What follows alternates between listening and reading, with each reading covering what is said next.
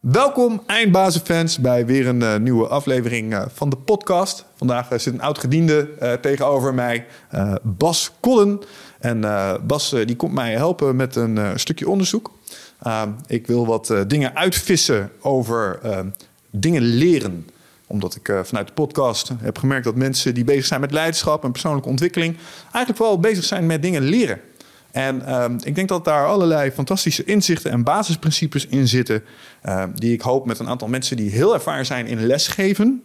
Uh, eruit te kunnen halen. Dus ik heb een aantal vragen voor je voorbereid, uh, Bas. Als het gaat over het leerproces. Uh, type studenten die jij bent tegengekomen. wat, wat goede interventies zijn wat jou betreft om, om te leren.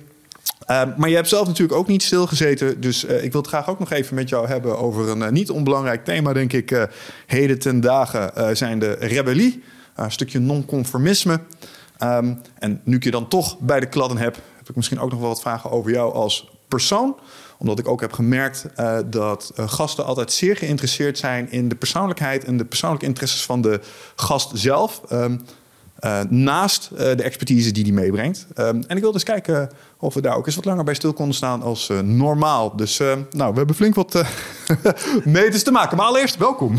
Dankjewel Michel en nogmaals een eer en genoeg om weer terug te mogen zijn. Ja. Uh, en zeker op dit mooie thema. Dan zal ik je één irritant kenmerk voor mezelf vast blootleggen. Vind je het akkoord dat ik soms met een vraag, met een wedervraag kom? Uh, jazeker, okay. dat mag. Nee, altijd goed. Uh, en wat mij betreft is het ook niet veranderd in de zin... wat betreft voor het schone gesprek. maar ik heb, ik heb iets meer vragen voor mezelf meegenomen als normaal. En ik wil gewoon even kijken hoe dat werkt. Dus... Let's get the show on the road. Allereerst, um, voor de mensen die je niet kennen, wie ben je? Ja, mijn naam is Bas Kodder. Ik ben uh, tegenwoordig hoogleraar leiderschap en managementontwikkeling aan Nijrode Business Universiteit. Ja, en jouw academische achtergrond in die zin is? Ik heb ooit een studie rechten uh, voltooid, maar dat heb ik met name op wilskracht voltooid. ik vond het echt helemaal niet leuk. Nee. Uh, misschien leuk om daar iets over te vertellen. Mijn vader was een sportleraar uit Raalte. Uh, het grootste gevaar is als je vader je alle sporten laat doen en je bent zelf ook sportgek. En dat ben ik nog steeds word je nergens ergens heel goed in. Ja. En dat overkwam mij ook. Hebben over leren gesproken, de 10.000 uren regel. Eigenlijk 30.000 uren regel van Malcolm Gladwell Hans Eriksson.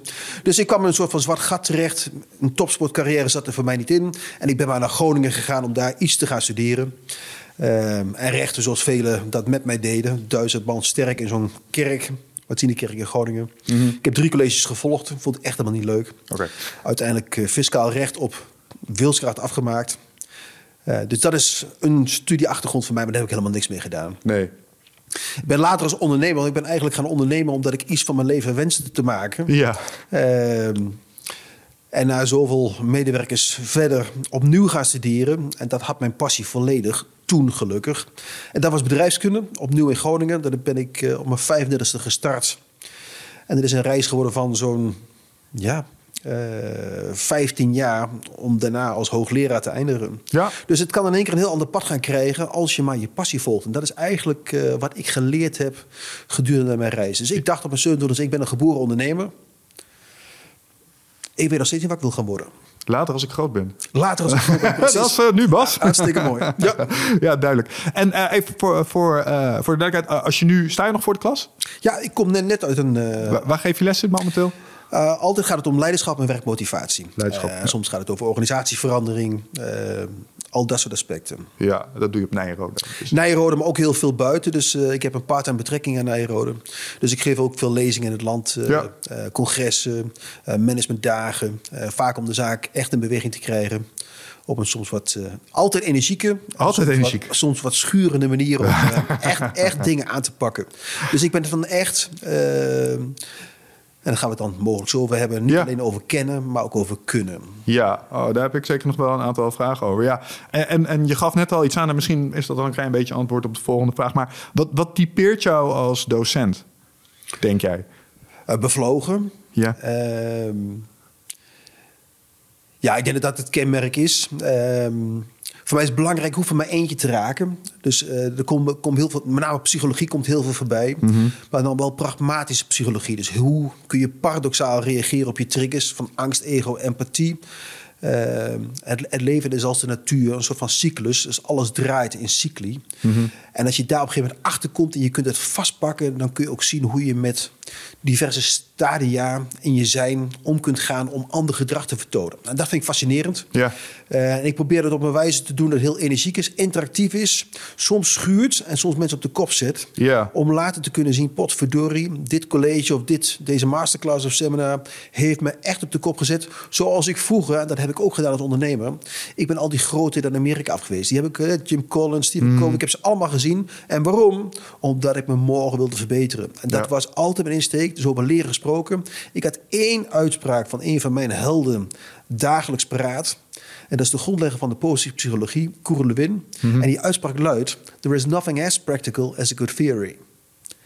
Maar er zijn heel veel theorieën. En welke zijn dan belangrijk Ja. om te gebruiken om morgen jezelf te kunnen verbeteren? Dat is mijn dagelijkse zoektocht. Ja, dus eh, eh, toepasbare theorie. Ja, en vaak, eh, om, bijna Cruyffiaans te spreken, moet je eerst gaan zien voordat je het door Nee. En, Ja. en dat is een lastige. Dat snap ik. Ja. Ja. vaak komen theorieën voorbij. Er zijn heel veel jonge lui die studeren bedrijfskunde op een 18e, 19e, 20e. En dan gaat het één oor in, ander oor uit. En dat kan ik me heel goed voorstellen. Hmm. Soms heb je een bepaalde levenservaring nodig om echt die psychologische aspecten van leiderschap eh, te kunnen doorgronden. Om te kunnen zien, potverdorie, ik had eigenlijk paradoxaal moeten reageren. Dus de andere kant op moeten gaan in plaats van de intuïtieve kant. Interessant. Dat, dat- daar wil ik zo nog even iets langer bij stilstaan. Wat me opviel in een van je eerste antwoorden... ehm, is dat je twee keer het stukje schuren noemde. Ja. Ehm, dat, dat lijkt me dan iets wat je belangrijk vindt in het leerproces. Ja, dingen moeten beklijven. En Het moet, het moet ook even. Dus ik vind ook pijn is de grootste accelerator voor persoonlijke groei. Dus zonder pijn, zonder dat je er een prijs voor hoeft te betalen, ga je jezelf niet verbeteren. En dat heb ik vaak meegemaakt in prachtige colleges van bijvoorbeeld een eh Stephen Covey, waar ik dus niet zo'n fan van ben. Het was inspirerend. Maar als je me dan de volgende week zou vragen, herhaal het eens of eh. Was ik er vaak niet toe in staat. En dan heeft het dus niet genoeg geschuurd, heeft het me te weinig pijn gedaan en heeft het me te weinig op de kop gezet. Ja. Ja. Interessant. Dus, dus het, het, as, het aspect ongemak is Ja, cruciaal. Ja. Wellicht bij het bekleven van ja. informatie. ja dus ik vind het een mooie, mooie samenvatting. Ja, ongemak. Ongemak. Oké, check. Als, als, het, als het makkelijk was geweest, hadden we vaak intuïtief het juiste gedaan. Ja. Maar omdat het zo moeilijk is, omdat het zoveel tijd, energie en ook eh, middelen in, in investeringen in simpelweg tijd eh, vergt, zijn er maar weinig in staat om echt te leren en echt eh, paradoxaal te kunnen handelen. Ik noem dat lemniscatisch denken. Lemniscatisch handelen, dus denken tegen polen in plaats van tegenstellingen. Ja. Mijn laatste boek, The Devil Inside, gaat hierover. Stop met het saboteren van jezelf en je organisatie. Opnieuw zo'n schurende ondertitel die hopelijk beklijft bij mensen om te zien... ik moet aan de bak met mezelf. Ik moet heel snel leren om dingen te kunnen veranderen. ja, niets wat ooit de moeite waard was, gebeurde vanzelf. Exact dat. Dus ja. check. En, en als je dat nou als ehm, uitgangspunt zou nemen. ehm, en je kijkt naar de uitdaging van het overbrengen van jouw specifieke kennis. Hè? Dit is een van de kernlessen, maar je probeert meer dingen over eh, de schutting te krijgen. En je zei er net al, soms gaat het het ene oor in en het andere oor uit. En dat Ja. paradoxale denken. Wat is eh, de moeilijkste uitdaging bij het overbrengen van dat stukje kennis? Oh, eerlijk zeggen, is dat niet zozeer een, eh, een obstakel. Dus ik heb geen enkele verantwoordelijkheid en ook geen enkele eigenaarschap over wat andere mensen leren. Dat is helemaal aan hen. Dus ik kan alleen maar mijn moeite doen, mijn energie en mijn tijd inzetten om het te overbrengen. En als het niet beklijft, heb ik daar geen enkele moeite mee. Interessant. Ik hoef er maar eentje te bereiken in zijn dag. Dan is mijn middag geslaagd. Ah, oké. Als iemand die zelf ook les geeft, vind ik dat wel een mooi inzicht. Want als Maar- ik een hele groep niet om heb, vind ik het vervelend. Ik niet. Ja, duidelijk. Oké, oké. Ik heb er maar één nodig. Ja, one is enough. Um, ja. Even terug op iets wat je er straks ook al vroeg. Hè? Um, wat is... En, dat zijn vaak wel de parels. Hè? Dus de mensen die zo openstaan, die zo het binnen laten komen, zijn het meer dan de moeite waard om een hele middag aan te spenderen. Bij mij geldt liever één is NS1 dan NS100. Ik hoef niet voor een groep te staan om de zaak op de kop te zetten, om daarna weg te gaan. Het was leuk. En morgen weer. Als er maar eentje bij mij de volgende dag terugkomt die zegt van potverdorie. Dit was voor mij ultiem. Ik ben hier aan de slag mee gegaan. Ik ben die literatuurles ingedoken. Ik heb eh, een podcast van Eindbazen eh, beluisterd. Eh, op zoek gegaan naar de achterliggende theorieën, daar verdiepingen gezocht. Mij kun je niet blijer maken. Ja, oké, dan is de missie geslaagd in dat opzicht. Ja. Ja, en kijk, dat is het hele ding met, met dit soort zaken. Als die persoon nou op een positie terechtkomt waar die straks weer een bepaalde mate van invloed kan uitoefenen. Ja, zou dat mooi zijn? Is niet mijn, eh, Nee? mijn insteek. Nee. Oké, check. Duidelijk. Ehm, iets wat je er straks ook even aanhaalde, waar ik het graag nog even over wil hebben, is het verschil tussen kennis en vaardigheid. Dus eh, kennis en kunde. Ja. Wat is het verschil wat jou betreft? Nou ja, goed, wij gebruiken in, in, in, de, wetenschap eigenlijk, in het hoger onderwijs, vaak de Bloem-taxonomie. Om, om die vraag te kunnen duiden. Dus wij, wij toetsen leren op diverse niveaus. Om ook niveau te kunnen aanbrengen en, en lerend vermogen. Dus de onderste vorm, onderste fase van leren is het eh, eh, herkennen en begrijpen. En dan de laatste fase van leren, fase 6, is het eh, creëren. Dus met ontvangen kennis, het creëren van nieuwe kennis of nieuwe theorieën of nou, et cetera. En er zitten dus allerlei, dus van begrijpen naar creëren. Ja, dus de kennis. Oké, dus er zit een verschil tussen de kennis kunnen toepassen op, die, op zaken uh, en er nieuwe dingen mee maken. Dat ja, ik zit even terug te kijken. Even, dat is het Bloem-taxonomie-model weer even op. Het begint met onthouden. En dan gaat het voor mij over evalueren, toepassen, interpreteren. En uiteindelijk naar creëren. En dat is een manier om uh, lerend vermogen te kunnen, uh, te kunnen staven, te kunnen mm -hmm. duiden. Nou, dat gebruiken ze vaak op hogescholen en wet, uh, wetenschappelijk onderwijs. Ja. Het niveau van toets aanbrengen. Voor mij simpelweg als leiderschapscoach kennen en kunnen. Ja. Je kunt heel veel dingen kennen, maar als je niet kunt, is een tweede. Ja. En ik denk dat het veilig is om te stellen dat dat pad van kennis naar kunde of het überhaupt verkrijgen van kennis um, beetje is als eetpatronen. Dat is voor iedereen verschillend. Ja. En je verandert onderweg ook nog. Hè? Ja. Dus om daar een theorie aan te koppelen, uh, bijvoorbeeld de kolp. Uh, het kolpmodel. Dus er zijn, die, die, die benoemt dan vier verschillende leerstijlen. Ja. Denken, doen, beslissen en, en dromen.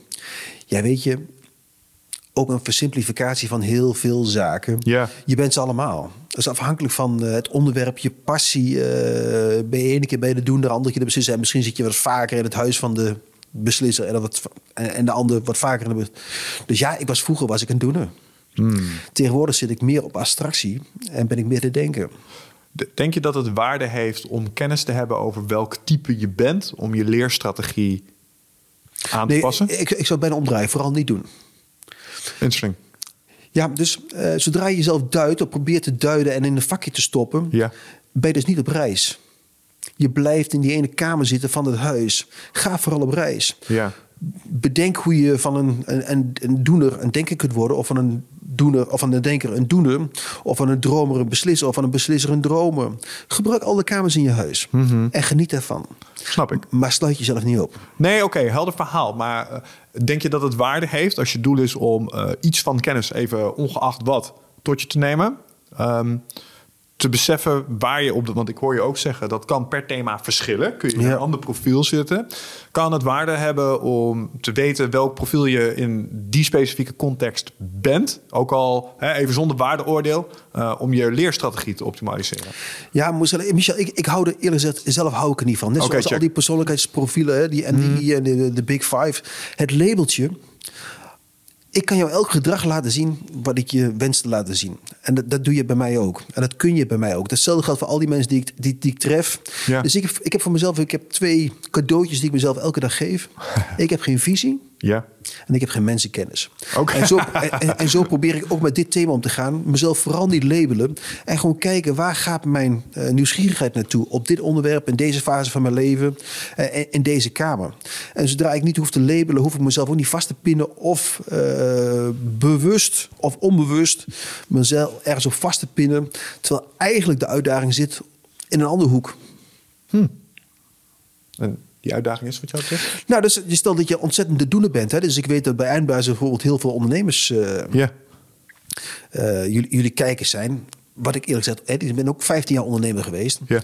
En in, de we, in, in, in, eh, in wezen ben ik eh, de ondernemende wetenschapper of de wetenschappelijke ondernemer. Maar de kracht zit juist in die opmerking van Kurt Lewin. There is nothing as practical as a good theory. Ja. Dus zodra je kunt dromen of kunt denken, kun je vanuit het dromen en denken makkelijker doen. En vooral makkelijker laten. Misschien is dat nog wel belangrijker. Ja, ja, ja. Door vooral niet te doen, kun je laten en kan dat veel meer voordeel voor je opleveren dan alleen maar te doen. Al- Al is het alleen maar dat het bandbreedte oplevert om andere dingen wel te doen. Exact dat. Dus de beslissing nemen om niet te beslissen. Is dat een doener? Is dat een denker? Is dat een beslisser? Is dat een dromer? In welke hoek moet ik deze toetsen? En Ja. het is zo belangrijk om tegen jezelf te kunnen zeggen: ik beslis om niet te beslissen. Het is namelijk een besluit. En als je een besluit hebt genomen, is dat heerlijk. Dan is het een afgeronde taak. Ja. Zodat mensen, zeker de doeners onder ons, die zeggen: Ja, ik ben echt een doener, dus ik heb maar te, te doen. En vaak is een te vroegstondige beslissing een grote fout. En levert ontzettend veel nadelige gevolgen op.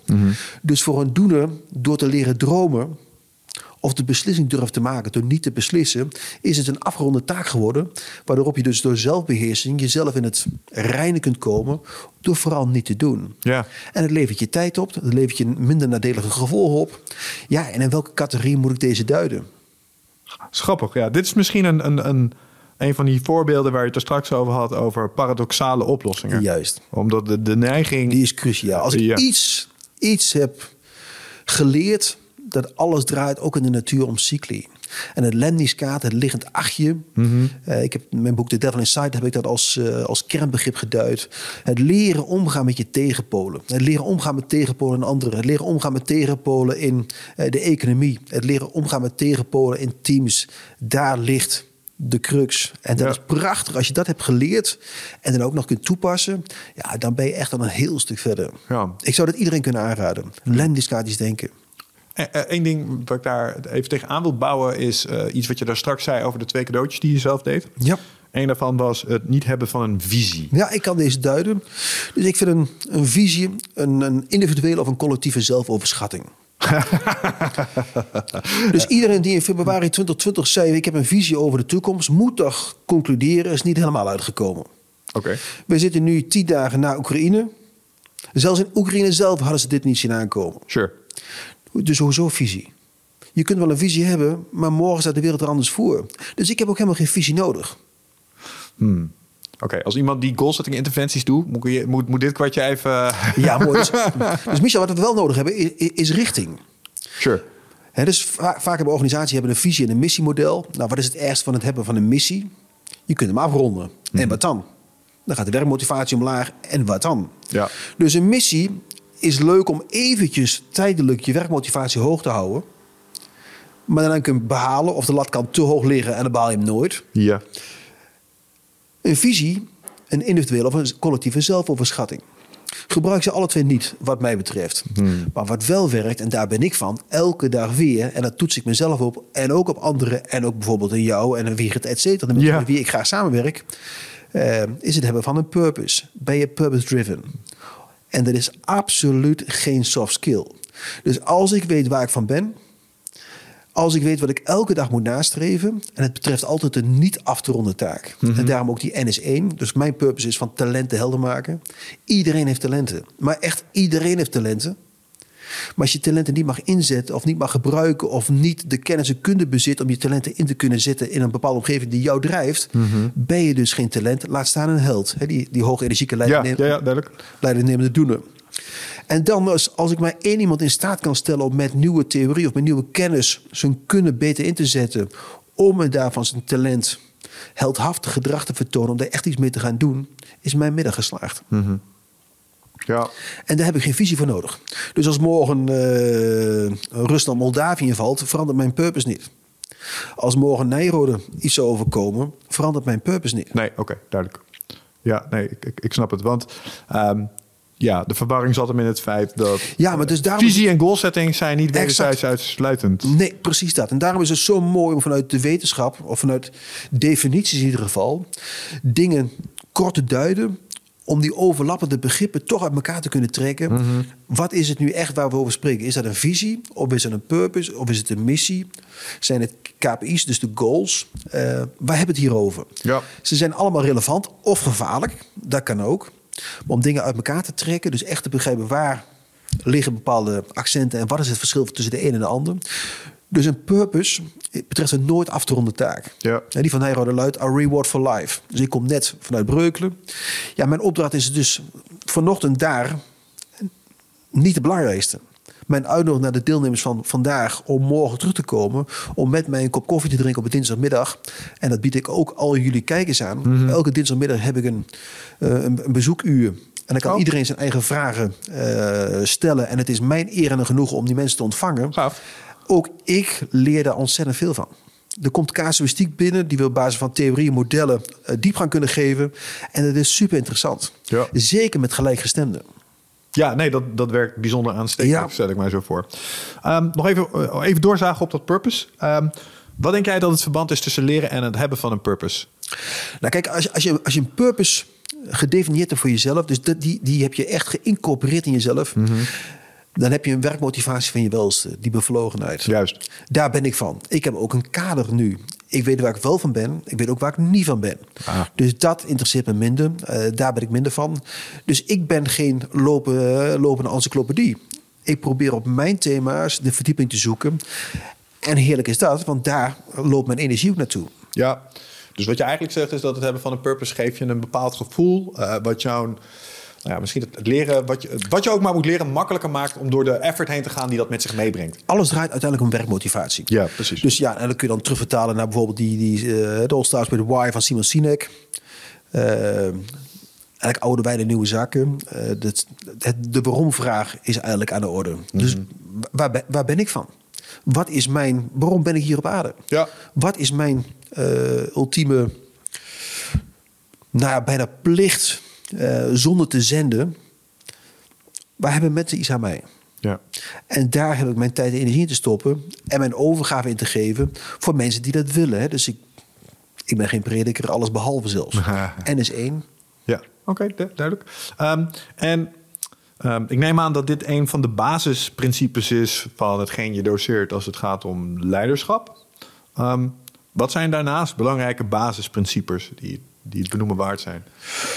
Nou, eigenlijk gaat het, gaat het hier vandaag ook over. Eh, het is een van die drie elementen van bevlogenheid, dus absorptievermogen. Dus kennis was een bezit, absorptievermogen is een houding. Oké. En dat is een hele belangrijke.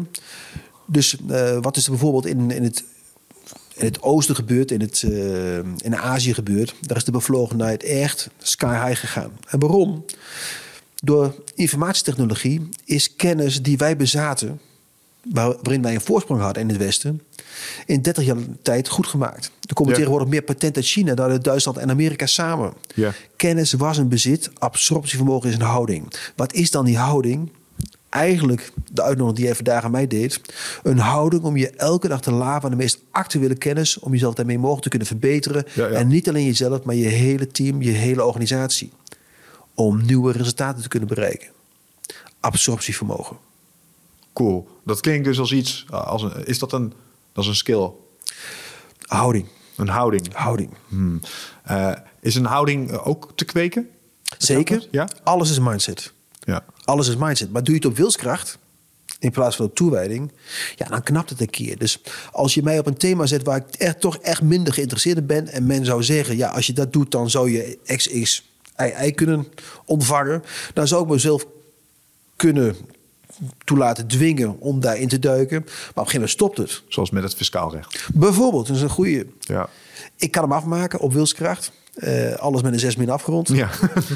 maar toen al de slechtste fiscalist van Nederland. Ja, ja, ja. Hè? En dat is 28 jaar geleden. Ja, check. Oké, okay, duidelijk. Um, dus absorptievermogen is er. Uh, is een... Ja, en dat, op een gegeven moment gaat het dan vanzelf. Hè? Dan kom je in die. Er zijn vier fasen van bekwaamheid. Dus 35% van ons gedrag is intuïtief. Ja, er zijn heel veel studies naar gedaan. 95% ongeveer. Ja. ja, als je onbewust onbekwaam bent, dan ben je mooi in de aap gelogeerd. Op een gegeven moment ga je dingen zien die je fout doet. Door boeken, door mm. dit soort gesprekken, door mentoring. Ik heb zoveel mentoren gehad die ik eeuwig dankbaar ben. Je wordt bewust onbekwaam. En dan kun je met jezelf aan de gang. Je wordt bewust bekwaam. En sommige mensen, als bijvoorbeeld mijn mentor, professor Paul de Blot, die jullie ook in jullie ja, studio ja, ja, hebben gehad, verlicht gedrag. Hmm. Dus 25% van al het gedrag is dan de juiste. En daarvoor moet je die reis uh, ondergaan. En dat heeft dus een houding nodig van absorptie. Je elke dag laven de meest actuele kennis om je daarmee zelf te kunnen verbeteren. En niet alleen jezelf, maar je hele team en je hele organisatie. En het mooiste heeft Paul me altijd voorgehouden. De oplossing ligt altijd in de natuur. De natuur heeft alles al voor ons voorgekweekt. Ja. En probeert te denken in cycli. Nice. Als we dat sentiment vast zouden houden en we zouden nog een, een, een laatste eh, basisprincipe aan mogen toevoegen, geleend vanuit de natuur, welke zou dat zijn? Ja, dat is dat die, dat die, dat die vier seizoenen op, op zoveel momenten in je leven zo eh, aanreikend kunnen zijn. Dus ik vraag, ik bijvoorbeeld vanochtend gedaan met, met een groep eh, projectmanagers. Dus er is een seizoen, en dat gaat altijd over leren. Er is een seizoen van lente. Je bent aan het leren, je bent aan het, aan het zaaien. eh, en op een gegeven moment ga je van lente naar zomer. Je bent aan het oosten. Dus je kennis op een gegeven moment begint tot iets te komen. Dat kan een promotie zijn, dat kan een eh, salarissprong zijn, dat kan een overstap zijn naar een ander bedrijf. Je begint te oogsten. Ja. Na die zomer komt de herfst, voordat je twee keer in de, in- in de regel. De eerste bladeren vallen, maar dat zien we niet. We hebben het vorige keer ook gehad over de economie bijvoorbeeld. Ja. En na die, na die herfst komt in één keer die, die plosklapse donkere winter. Nou, en mijn vraag aan die groep is vaak... welke seizoenen vinden jullie de mooiste? En de meesten zeggen dan de lente. Maar weet dan ook, dat als die lente voor jullie de mooiste is... dan is het eigenlijk een seizoen dat de allermooiste is... is die winter. ja, want hij komt eraan. Hij komt eraan. Het enige wat je hoeft te doen, is die winter heel goed gebruiken om te leren. Om jezelf onder ogen te krijgen. Om de dingen die je fout hebt gedaan of die ter verbetering mogelijk zijn, opnieuw in te zetten. Om een nog mooiere lente in te gaan. Ja. De winter is de mooiste. En dat heeft ook te maken met al die andere thema's als de kiss of death. Eh, als je denkt dat je er bent, ben je er vooral niet. en maar goed ook, hè. Dus de- het mooiste plantje heeft dan minimaal één strenge winter overleefd. Ja. Dus alles draait vanuit die vier seizoenen, vanuit de natuur en die cycli. Alleen daar het besef van hebben en daarmee om kunnen gaan, daar zijn moeilijke. Ja, nou laten we daar dan eens eens over hebben. Want ehm, als docent zijnde, wat zijn jouw favoriete structuren en patronen? Ik vind dat wel mooi passen bij het voorbeeld hè, wat je zojuist had. Die je gebruikt om deze kennis over te dragen. Ik link altijd theorieën. En uiteindelijk zijn we verhalen vertellen, Michel. Ja. Dus mensen zijn geboeid door verhalen. Ik ben geboeid door verhalen. Het moet beklijven. Dus wat ik probeer te doen is theorieën verbinden. En dan zie je dat heel veel theorieën eigenlijk overlappend zijn. En als je die theorieën dan kunt verbinden, eh, bijvoorbeeld eh, kernkwadranten van Hofman, zijn te verbinden aan het enneagram bijvoorbeeld, je voorprogrammering. Oh ja. Dus wij zijn allemaal voorgeprogrammeerd, net zoals in de natuur. En in de natuur heb je de omega, de alfa, et cetera. Iedereen heeft een voorprogrammering in de natuur, maar wij ook. Dus in bepaalde vriendengroepen heb je het beter naar je zin dan andere vriendengroepen. Sure. Terwijl jij dezelfde persoon bent. Alleen daar lopen mogelijk andere omega's, andere alfa's, andere... waardoor het systeem in één keer anders voor je is. Maar jij bent dezelfde. Geldt in de natuur ook. Dus je hebt een bepaalde rolverdeling in, in roedels. En als je daar bewust van bent, dan kun je zeggen: Oké, ik heb een voorprogrammering die vaststaat te omhelzen. Wil niet zeggen dat ik hetzelfde gedrag hoef te vertonen. Dus ik kan gezonde gedrag laten zien vanuit mijn voorprogrammering. En dat is een mooie. En als je dat kunt verbinden bijvoorbeeld met kernkwadranten, dan zul je zien dat je altijd nat gaat op je sterke punten. Je overcompenseert je sterke punten. En dan wordt het lelijk. Oké, vo- voordat we daarop ingaan, even, even terug naar iets wat je eerder zei. Hoe verhouden enneagrammen zich tot bijvoorbeeld MBTI persoonlijkheidstesten? Ja, als ze zitten in dezelfde container. Ik hou dus niet van die MBTI. Ja. Eh, niet alleen is het wetenschappelijk niet, eh, niet gevalideerd. Enneagram wel, de Stanford Check. University. Maar MBTI labelt ook. Het enneagram is een groeimodel. Ja, oké. Dus dat betekent dat je vanuit een voorprogrammering moet, of in ieder geval kunt gaan groeien. Door paradoxaal te handelen. Dus mijn voorprogrammering is bijvoorbeeld eh, type 3 met vleugel 2. En die vleugel is heel belangrijk. De resultaatgerichte doenen met de helper als vleugel. Op beide ga ik nat. Ja, Want de resultaatgerichte doenen mag graag pronken met zijn resultaten. juist. Dus als hij zichzelf niet beheerst, gaat hij lopen op, op een LinkedIn of waar dan ook. En als ze titels laten zien. Dus daarom gebruik ik geen titels, zit het niet op LinkedIn. Ja, Het is prima om die, om die voorprogrammering te hebben, maar het is ook een valkuil. ja. Die resultaten zijn belangrijk puur alleen als piketpaaltjes. Maar zijn ook resultaten uit het verleden. Dus ik heb loyaliteit omarmen. Niet alleen loyaliteit naar anderen, maar eerst loyaliteit naar mezelf toe. Ik mag er ook wezen zonder die prestaties. En als je dat kunt inzien, dan kun je ook de, de kindspijn, zoals we dat noemen, loslaten. Want Mijn voorprogrammering, en dan zullen sommige luisteraars zullen dat herkennen, is vaak dat ik dacht van goed, ik presteer, dus ik mag er zijn. Ja. Maar dat is een aanname die we in ons hoofd hebben gezitten vanuit onze voorprogrammering, die we moeten loslaten. En dat is een moeilijke.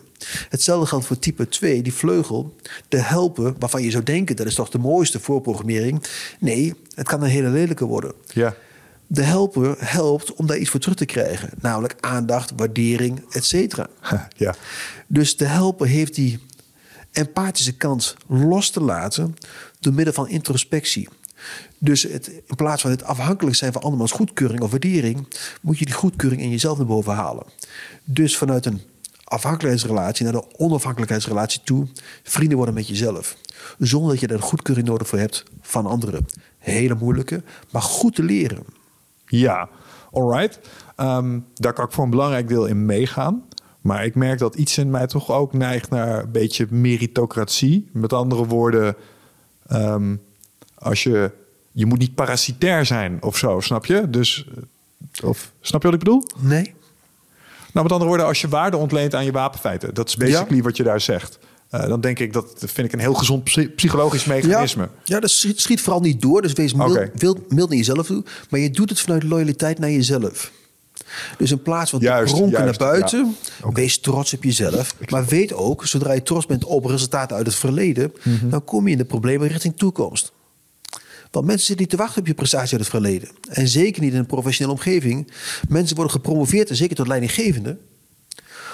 Niet omdat je iets geleverd hebt, maar om de verwachting dat je kunt gaan leveren wat er opnieuw van je verwacht wordt.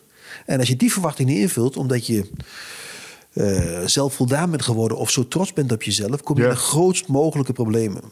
Dus prima om die voorprogrammering te hebben, maar reageer paradoxaal. Het wees, is het verleden.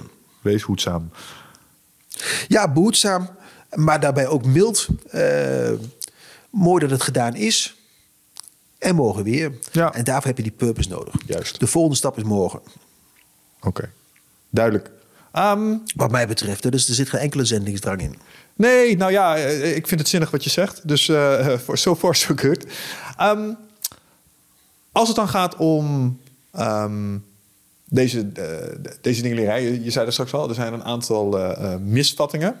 Um, wat is wat jou betreft een van de grootste misvattingen als het gaat om dit soort thema's? gewoonte, gedrag of, of het leerproces. die je zou willen rechtzetten? Ja, goed, dus het, het, het, begint altijd vanuit de kapstok. En de kapstok is wat mij betreft niets wat het lijkt. Ja. Dus uh, in het begin heb ik dat volgens mij uh, aangegeven. Dus ik heb geen mensenkennis. Dus een van de meest grote uh, misvattingen, miskenningen.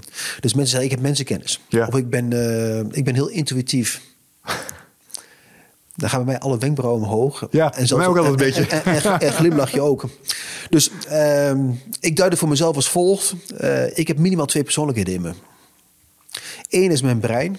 En mijn brein gaat continu bij mij op de haal. Hm. Dus ik heb geen controle over mijn brein. En zeker s'nachts niet. Dus er gebeurt van alles in mijn hoofd. Allerlei gedachten, alle dingen. En, en uh, alle... alle, alle nee, mijn boek gebruik ik de zeven hoofdzonden. Alles gebeurt in je hoofd waar ik geen controle over heb. Maar hoe ik met mijn brein omga, dat bepaal ik. Ik heb een wil. Ja. En als ik mijn intuïtie kan omzetten tot ratio en mijn ratio kan omzetten tot intuïtie, dan kan ik daar veel beter mee omgaan. Dus there is nothing as practical as a good theory. Dus als je de theorie kunt gebruiken, oké, okay, er gebeurt nu iets, maar ik word intuïtief getriggerd, mm -hmm. maar ik doe het niet of ik doe het tegen polissen. Het paradoxale. Mm -hmm.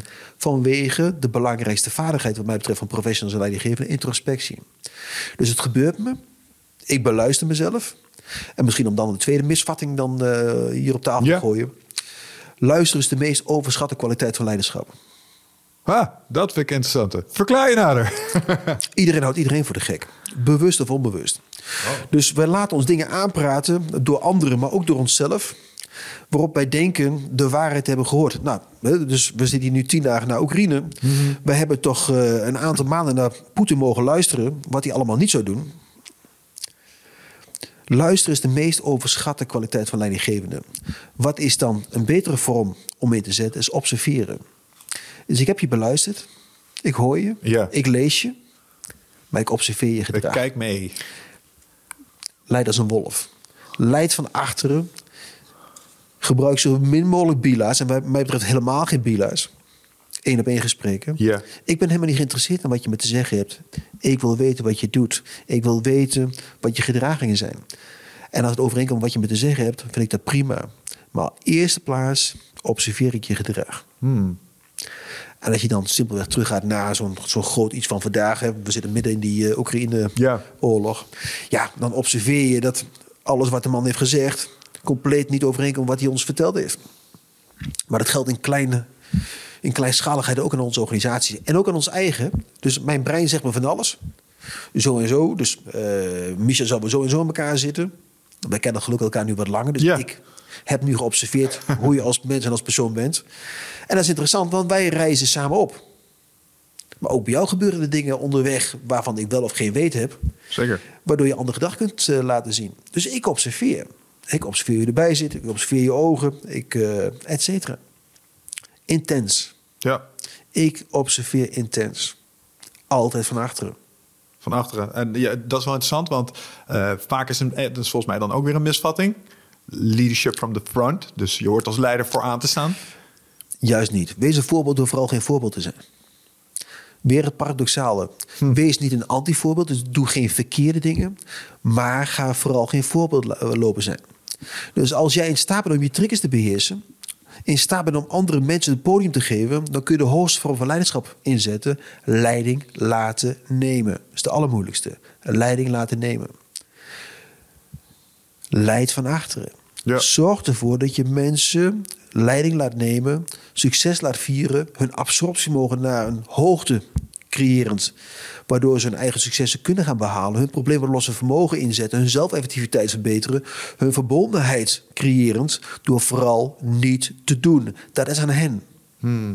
Ga mensen niet lopen duwen, ga mensen niet lopen trekken. Zijn zij zelf gemotiveerd, maak het alleen niet kapot. Leid van achteren. Ja.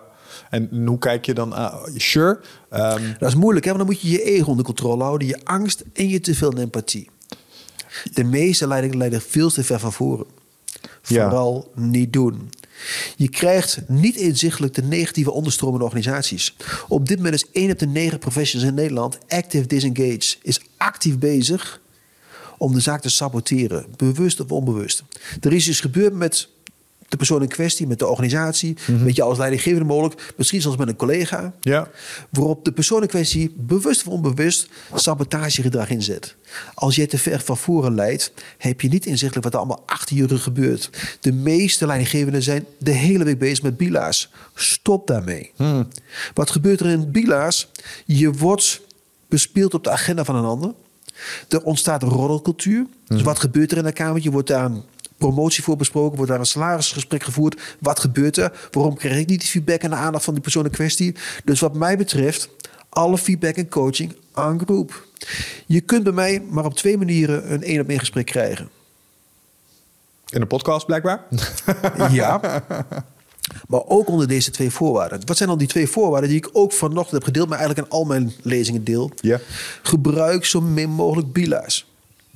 Alle feedback en coaching is voor iedereen interessant. In een veilige omgeving weet iedereen van elkaar hoe die wordt eh, geprojecteerd, hoe die wordt bezien, hoe die wordt geobserveerd. Iedereen weet van elkaar hoe die ervoor staat. Dat creëert een, een, een teamband Ja. in, een, in een veilige omgeving. In sommige gevallen kun je niet alles één op één, alles aan groep doen. Ik heb ook de luisteraars aangegeven, elke dinsdagmiddag heb ik tijd voor ze. Ja. Onder dezelfde twee voorwaarden. De eerste voorwaarde is, het gaat altijd nog over jezelf. Dus je zou me vandaag vragen mogen stellen over, et cetera. Ga ik je geen antwoord op geven. Dus in generiek opzicht kan ik daar een antwoord op geven. Nooit over anderen. Sure. Dus het gaat altijd over jezelf. De tweede voorwaarde is, gaat het niet over jezelf, dan is het positief. Ja, natuurlijk. Ik heb ook een aantal teamleden. Van de 20 verzoeken die ik krijg wekelijks voor een één op één gesprek. Onder deze twee voorwaarden, hoeveel gaan er nog door? Denk je? Vast niet zo heel veel. Drie, vier. Ja. Eén, en dat is de grootste opbrengst. Je voorkomt roddelcultuur. En dat is een hele belangrijke. Iedereen weet, er vindt een één op één gesprek plaats, maar onder deze twee voorwaarden. Dus het gaat nooit over mij. Het gaat al over de persoon in kwestie. Ja. Mocht het over mij gaan, is positief. Dat is lekker. En het tweede, dat is nog veel belangrijker, het creëert ontzettend veel tijd. Je bent er mooi vanaf. Ja, want het is eh, vaak toch niet productief of is er is al- zeer weinig waarde het, te vinden. Het is, het is paradoxaal productief. Dit is dus contraproductief, want het levert roddelgedrag op. Het Mhm. levert roddelcultuur op. En iedereen bespeelt iedereen. Bewust of onbewust. Er zit geen enkele waarde in. Maar iedereen heeft belangen. Maar iedereen heeft ook behoefte aan coaching en feedback. Als ik in een groep zou zeggen... afgelopen week heb je op dat onderdeel fantastisch eh, gepresteerd. Op dit onderdeel denk eens hier aan, denk eens daaraan. Op dat onderdeel laat je eens faciliteren door die en die. En dan de volgende. Dan denken mensen op links ook... ja, ik kreeg net een tip, goede tip. Maar die geldt eigenlijk voor mij ook. Jullie hebben ooit met Toon Germans eh, mogen werken. Ja. In de kleedkamer, in sportverenigingen, zeker in de topsport, gebeurt het automatisch. Hè? Om die veiligheid te creëren, maar vooral ook om duiding te geven. Iedereen leert van iedereen. Het mooiste is, thuis doen we dat als vanzelfsprekend. Hè, dus als, ik heb twee zonen, eentje van, van 12 en eentje van 14. Als de een iets zegt over de ander, dan zeg ik direct, wil je ermee ophouden? Ja. Dat zie ik zelf ook wel. En ten tweede, als de een feedback krijgt of coaching krijgt, stuur ik de ander ook niet eerst naar zijn kamer toe. Nee. Dat doen we ook aan aan de woontafel. Door onze triggers, angst, ego en te veel empathie, op ons werk gebruiken we er allemaal één op één gesprekken van. Eén, het is niet productief, want iedereen kan van iedereen leren, maar er ontstaat roddelcultuur. Dus mijn verzoek aan kijkers, stop met die één op één gesprekken. Ja. En als je ze doet, onder deze twee voorwaarden, wat mij betreft. Hè. Ja, wat ik, wat ik interessant vind aan je stelling is dat je er gewoon zo lekker uh, ongezouten open over bent. Dat iedereen in principe altijd aan het manoeuvreren is. ten, ten eigen gewin. Ja, maar datzelfde geldt voor, voor authenticiteit en integriteit. Dus uh, ook dat zijn van die prachtige onderwerpen. Niemand is de authentiek geboren en niemand is integer bij de geboorte. Dus het enige wat wij aan het doen zijn, is elke dag authentieker te worden. Mm-hmm.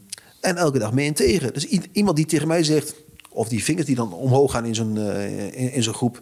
Wie is hier integer, wie is dan hier uh, authentiek? Al die handen gaan omhoog. Eigenlijk een hele zware middag. Ja, dat snap ik.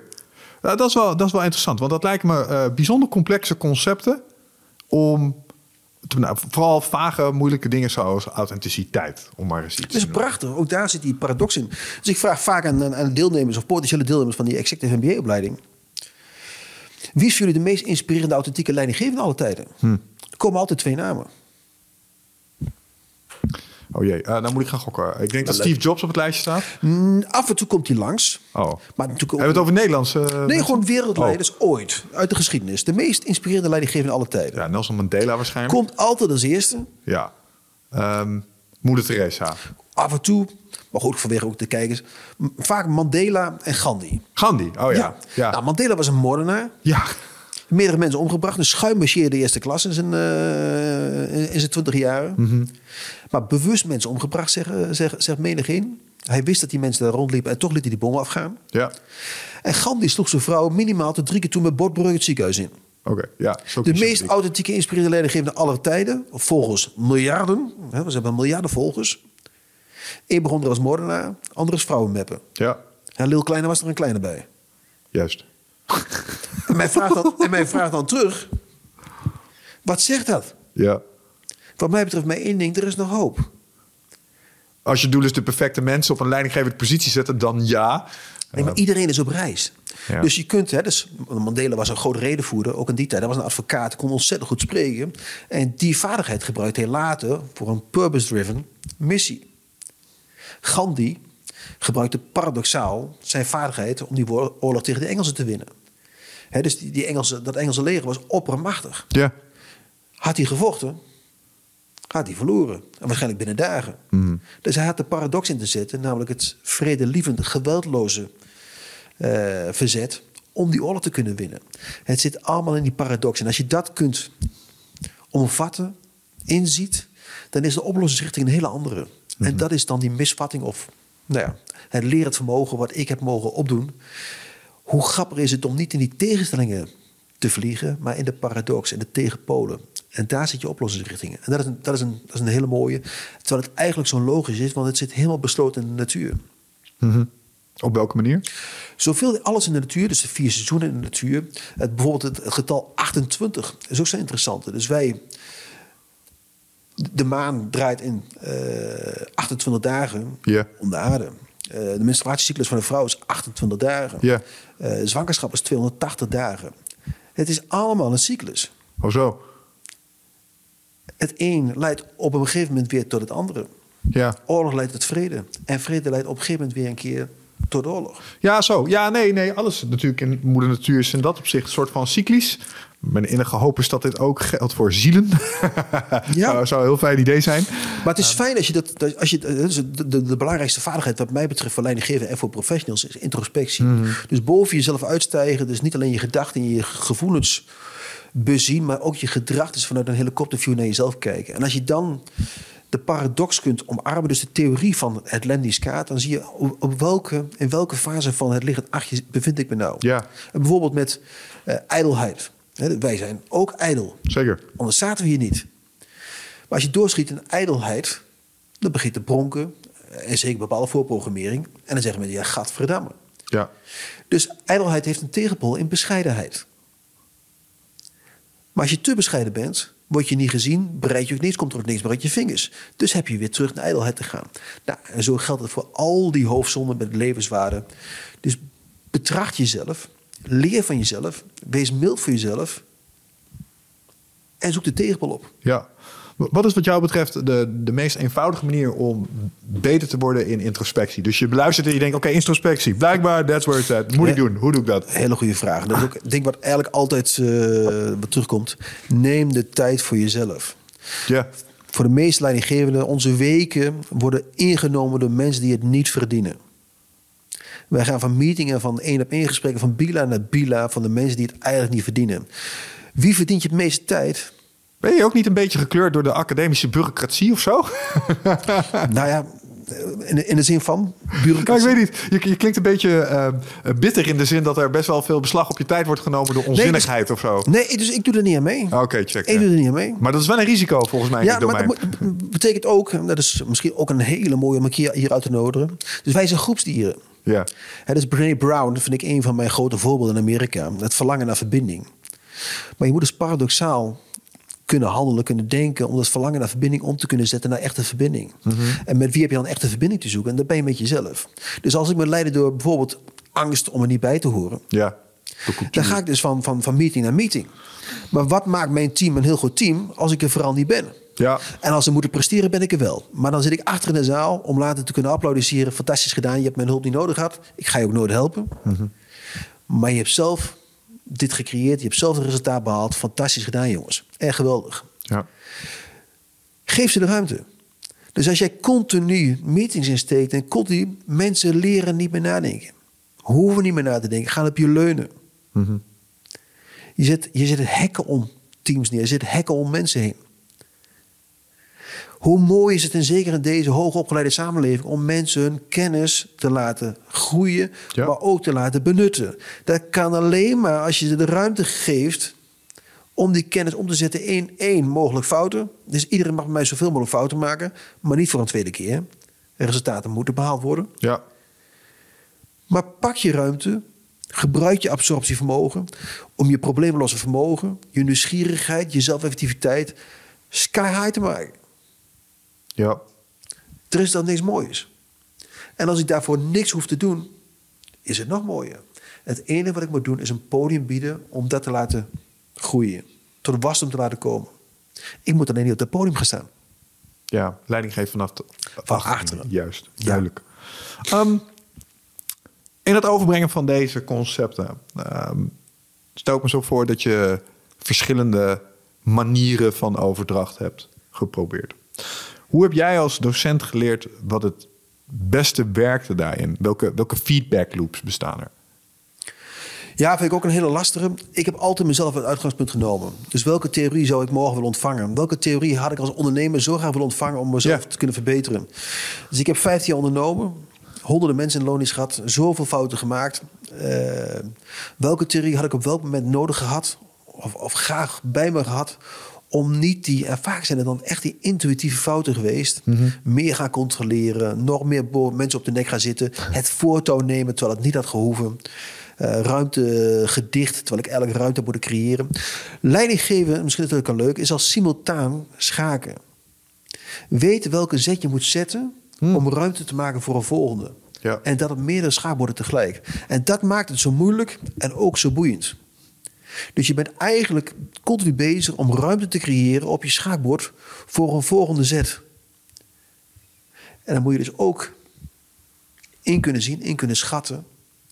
Wat gebeurt er aan de overkant? Ja. Om die, die, vergelijk, eh, die gelijking nog even verder af te maken. En wat er dan ook nog eens als complicerende factor is. Jij bent aan het schaken met die mensen. Maar aan hetzelfde bord zitten aan weerszijden ook nog eens mensen op hetzelfde bord hun schaakspelletje te spelen.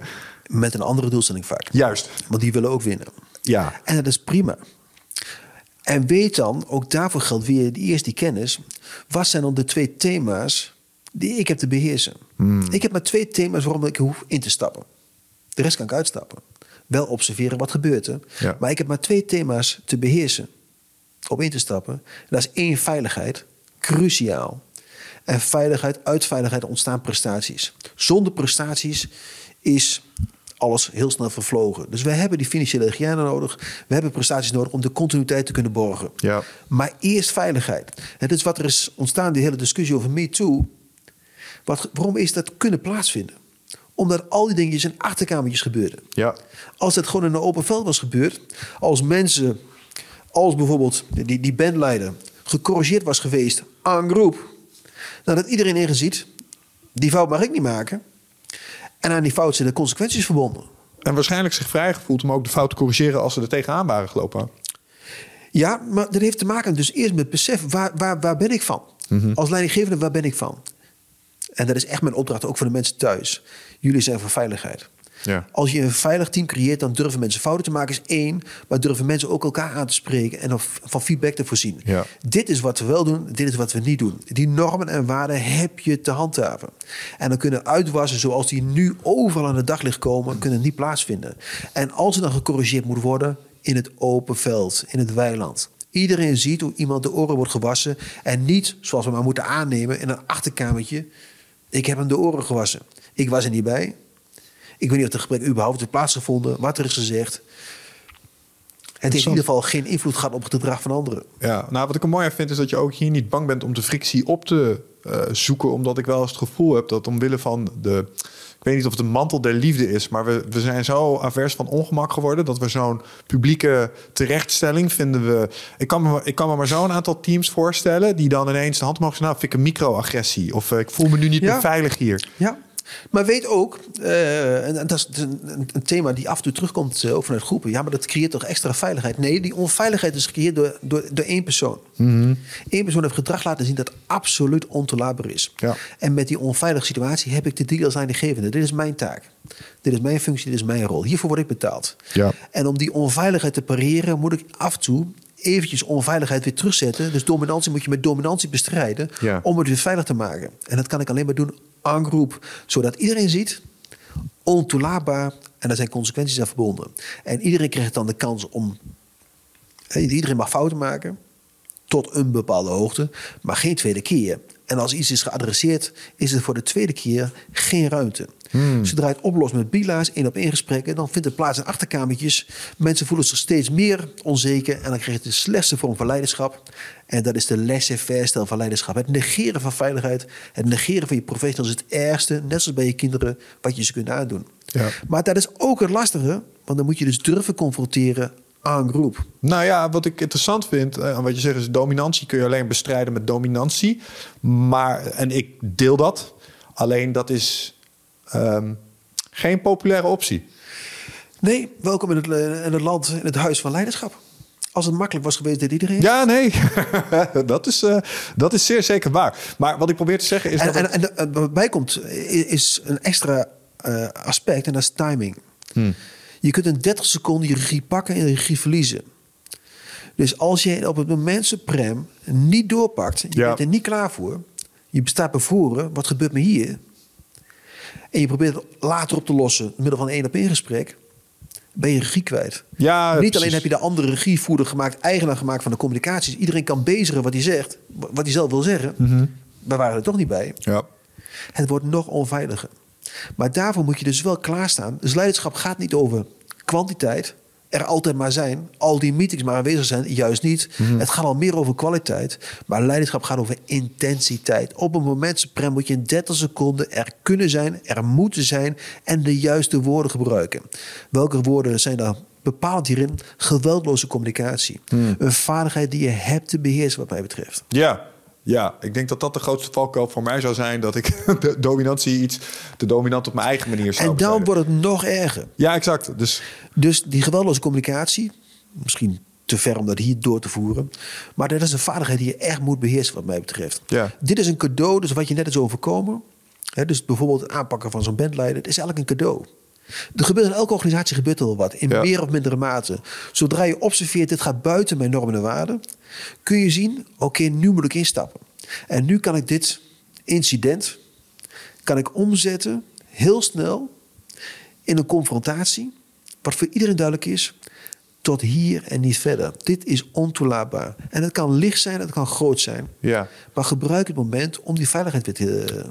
Kun, je dit illustreren met een voorbeeld waarbij we iets, on, iets ontolereerbaars, als bijvoorbeeld eh, een seksuele overschrijding op de werkvloer, Ja. hoe communiceer je daar geweldloos over? Nou, mooi. Dus ik gebruik hem bijna elke, elke keer in, in mijn lezing.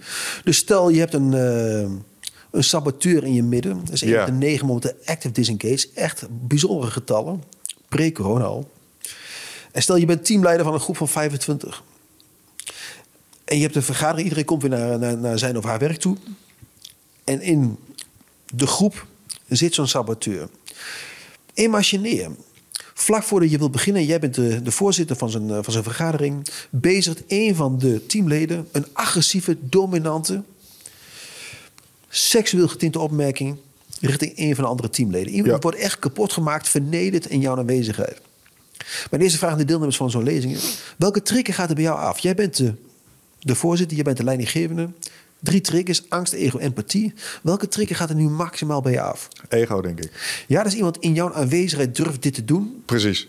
Die gaat af. Maar er gaat één trigger echt maximaal af. Een van die drie bedoel je? Ja, dus, empathie, eh, dus ego gaat af. Hoe durft hij in mijn aanwezigheid dat te doen? Ja. Maar er gaat één trigger maximaal af. De empathie. Ja, dus je hebt empathie voor de persoon in kwestie. Wij zijn van de empathie. Die gaat ook een beetje af. Maar er gaat één trigger echt maximaal af. En dat is angst. Waarom angst? Omdat jij weet, dit is mijn taak. Dit is mijn functie. Dit is mijn rol. Ik heb dit te confronteren, te pareren. Ah. Maar ik sta met mijn mond vol tanden. Hoe kon die? Hoe durft die? En welke woorden moet ik gebruiken? Ik sta bevoren. De meeste leidinggevenden maken de fout nummer één op dat moment niet te confronteren.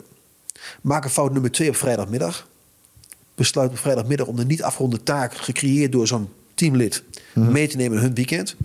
Wij zitten vol met, hè, onze rugtas zit vol in ons weekend met allerlei energielekken veroorzaakt door anderen. Om op zondagavond je grootste fout te maken. Je besluit op zondagavond, dit kan niet, dit mag niet. Dit heb ik te repareren, dit heb ik te pareren. Morgen vroeg is die persoon van mij. De klos. Die is de close. Ja. Om dat af te maken. Je bent om, hè, maandagochtend om half negen op de zaak. En het eerste wat je doet is, nu mijn kamer. Deur op slot, luxeflex naar beneden toe. ja. En je geeft iemand, de persoon in kwestie, in een één op één gesprek 15 minuten vol voor ze kiezen. De ramen beslaan. Na 15 minuten mag hij gaan. Deur gaat van de slot, luxeflexen gaan omhoog. Ja. Mijn vraag aan deelnemers in die, die groepen zijn: waar gaat die persoon als eerste naartoe? Naar de rest van het team. Welke teamleden in het bijzonder? Zijn bondgenoten. Zijn bondgenoten, die andere bevers, staan hem op te wachten. Die weten, eerst is hij aan de beurt en dan pas ik. Wat is daar gezegd bij die korrel? Ah, ja, ja. En mijn volgende vraag luidt dan: wat zal hij daar bezigen? Wat zal hij daar communiceren in ons gesprek met ons tweetjes? Nou, hij zal jou afschilderen als een oetlul.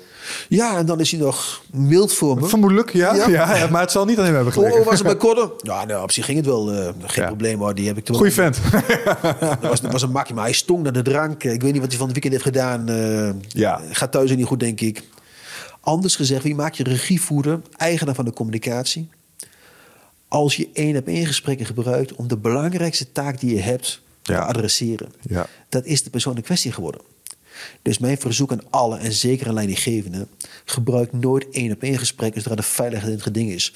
En bij The Voice heb je gezien tot welke misstanden dat kan leiden.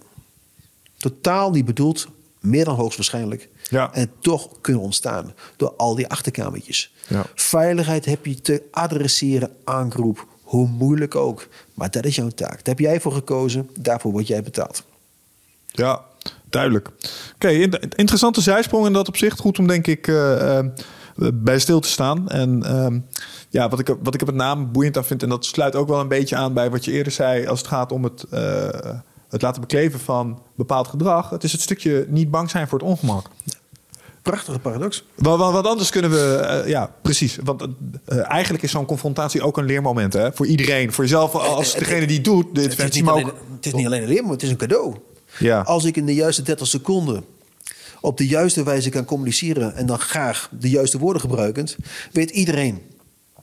Dat kan één keer, maar nooit weer. Ten tweede, mijn veiligheid is hier geborgd. Ja. De man, vrouw in kwestie treedt op namens mij. Ik hoef dat zelf niet te doen. Gelukkig maar. en de persoon in kwestie staat eigenlijk voor schut en weet, er is hier ruimte voor. Ja. En als ik niet oppas, ga ik richting exit. En andere teamleden weten ook, die fout is gemaakt, maar die fout kan ik niet maken. Ja, de- het enige risico wat ik zie is dat, kijk, als, deze, als dit slaagt op deze manier, dan is je leiderschapskapitaal toegenomen, is de veiligheid verhoogd en is de bully, zeg maar, eh eh, eh, zijn zijn hok terug ingebeukt. Gaat, Ja, het, gaat het mis, is hij kostbaar. Het is, het, is, het is veel erger om eh, mensen te behouden die niet bij je passen, Sure. of vice versa. Ja, eens. eens. Moet je voorstellen, dat die, die, die fout wordt vaak gemaakt. Ook, ook, we hebben het vandaag over, over, eh, over- leren. Dus waarom, en zeker in deze tijden... in Amerika is er sprake van de Great Resignation... Het grote, de grote ontslaggolf. Ja, ja, Heel ja, veel ja. mensen vertrekken zometeen. Dus twee of drie mensen vertrekken. Waarom zou ik leren het vermogen... waarom zou ik al die opleidingen stoppen... mensen die toch vertrekken? Het is veel duurder... om geen opleiding te stoppen... en mensen die blijven. En dat is weer die paradox. Oh zo, ja, je, mo- mensen die blijven moet je gewoon trainen, want als je het niet doet is dat kostbaarder als ze niet opleiden omdat ze toch weggaan. En hetzelfde geldt voor dit. Dus als je denkt dat omdat iemand ooit gepresteerd heeft, zo kostbaar voor je is. Ja, check. Dus als één iemand op de 25, misschien 10 of 20 procent, misschien wel 50 procent beter presteert dan die andere 24, betekent dat gemiddeld over die 24 maar een paar procent. En als die andere 24 minder gaan werken, dan is die 50 procent op NS1 heel snel gecompenseerd. Ja. Wees nooit bang om één iemand uit je groep te verwijderen. Nooit. Laat je fruitmond nooit aantasten. Helder verhaal. Jouw, jouw rol. Powerful stuff. Ja, duidelijk. Dankjewel. Ehm en ik kan me voorstellen dat als je zo acteert als een leidinggevende, maak je een ook onuitwisbare ehm, indruk op je eh, team en iedereen is, die daar. is geen enkele behoefte aan. Het gaat niet om mij. Het gaat ook niet om de leidinggevende. Nee, Die andere 24 moeten. ik begrijp het, maar ik probeerde een bruggetje te maken naar mijn volgende vraag. Excuus, excuus. nee, geen enkel probleem. Ehm, eh, omdat, ehm, kijk, ik heb een aantal. eh, als je dit verhaal zo vertelt, moet ik denken aan een aantal mensen waar ik onder heb gediend. Die ik dit op een hele goede manier zou zien doen. En die hebben als leidinggevende op mij een bepaalde indruk gemaakt. Eh, en als ik probeer in leidinggevende posities eh, me te manifesteren, dan probeer ik die mensen te channelen. Mooi. Ehm, in het verlengde daarvan heb ik ook docenten meegemaakt eh, in mijn opleidingen. Die, eh, er zijn er twee. ehm, eh, die een soort onuitwisbare indruk ook hebben gemaakt, omdat ze iets heel goed deden. Mooi. En mijn vraag aan jou is, ehm, want jij hebt ongetwijfeld ook van die docenten meegemaakt. Ehm, de eerste vraag hierover is: welk, wie is wat jou betreft de beste docent als student in je vakgebied? Zeg maar, dus eh, in het leren van wat je leerde en wat je nu doet. Ehm, wie was daarin de beste docent en waarom? Ja, er komen twee namen direct bij me naar boven. Eén is mijn eh, mentor geweest. De persoon Paul de Blot. Ja. En die heeft me de, de laatste puntjes op de i gegeven. En dat heeft met name te maken met de link naar de natuur. Ja. eh, de link naar dankbaarheid. de link naar cycli. Ja, een heel, heel, heel, bijzonder, heel bijzonder persoon. Hmm. Eh, die ook echt... Ja, als reiziger, jullie hebben hem meegemaakt, zijn, Ja. zijn levensverhaal ook eh, mogen ontvangen. Ja, prachtig. En de warmte en de. Door, door niks te zeggen, heel veel te zeggen. Wel dat soort. Ja, Dus hij toen begon met, met doseren. Hij had zo'n. zo'n eh, noem je zo'n niet zo'n driewieler, zo'n eh, zo'n looprek. En dan ging hij naast me zitten. En als ik dan. Hield hield hij mijn been vast. ja, Dat is prachtig. Dus hij hing aan mijn been terwijl ik aan. Ja, geweldig. En een andere persoon in kwestie, dat is echt eh, eh, van zijn boeken en vanuit, ook, ook vanuit zijn eh, wijze van doseren, dat vond ik prachtig. Marcia Goldsmith. Oké. Prachtig boek geschreven rond de triggers.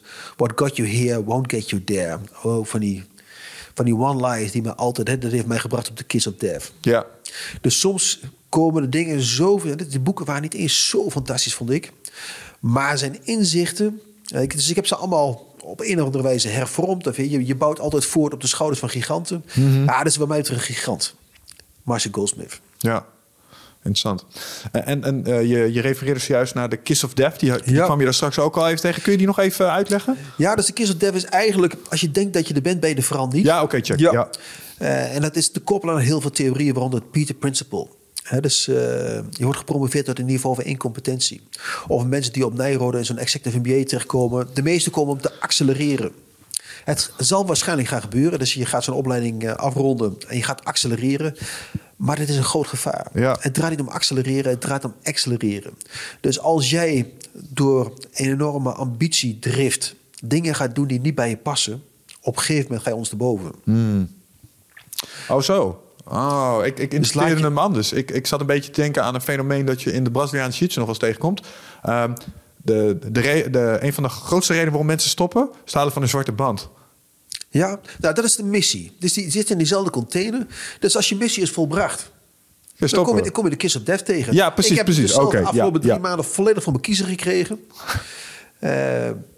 dus ik heb op een gegeven moment... eh, Omdat je je leerstoel had gehaald. Ja. Ja, ja. dus je bent op een gegeven moment bezig met eh piquetpaaltjes bouwen. Mij werd eigenlijk gevraagd mijn toenmalige rector... van nou goed Bas, je bent nu verantwoordelijk voor het executive MBA. Jij moet hier ook hoogleraar worden. Ik zei, Hmm. nou goed, ik ben een ondernemer.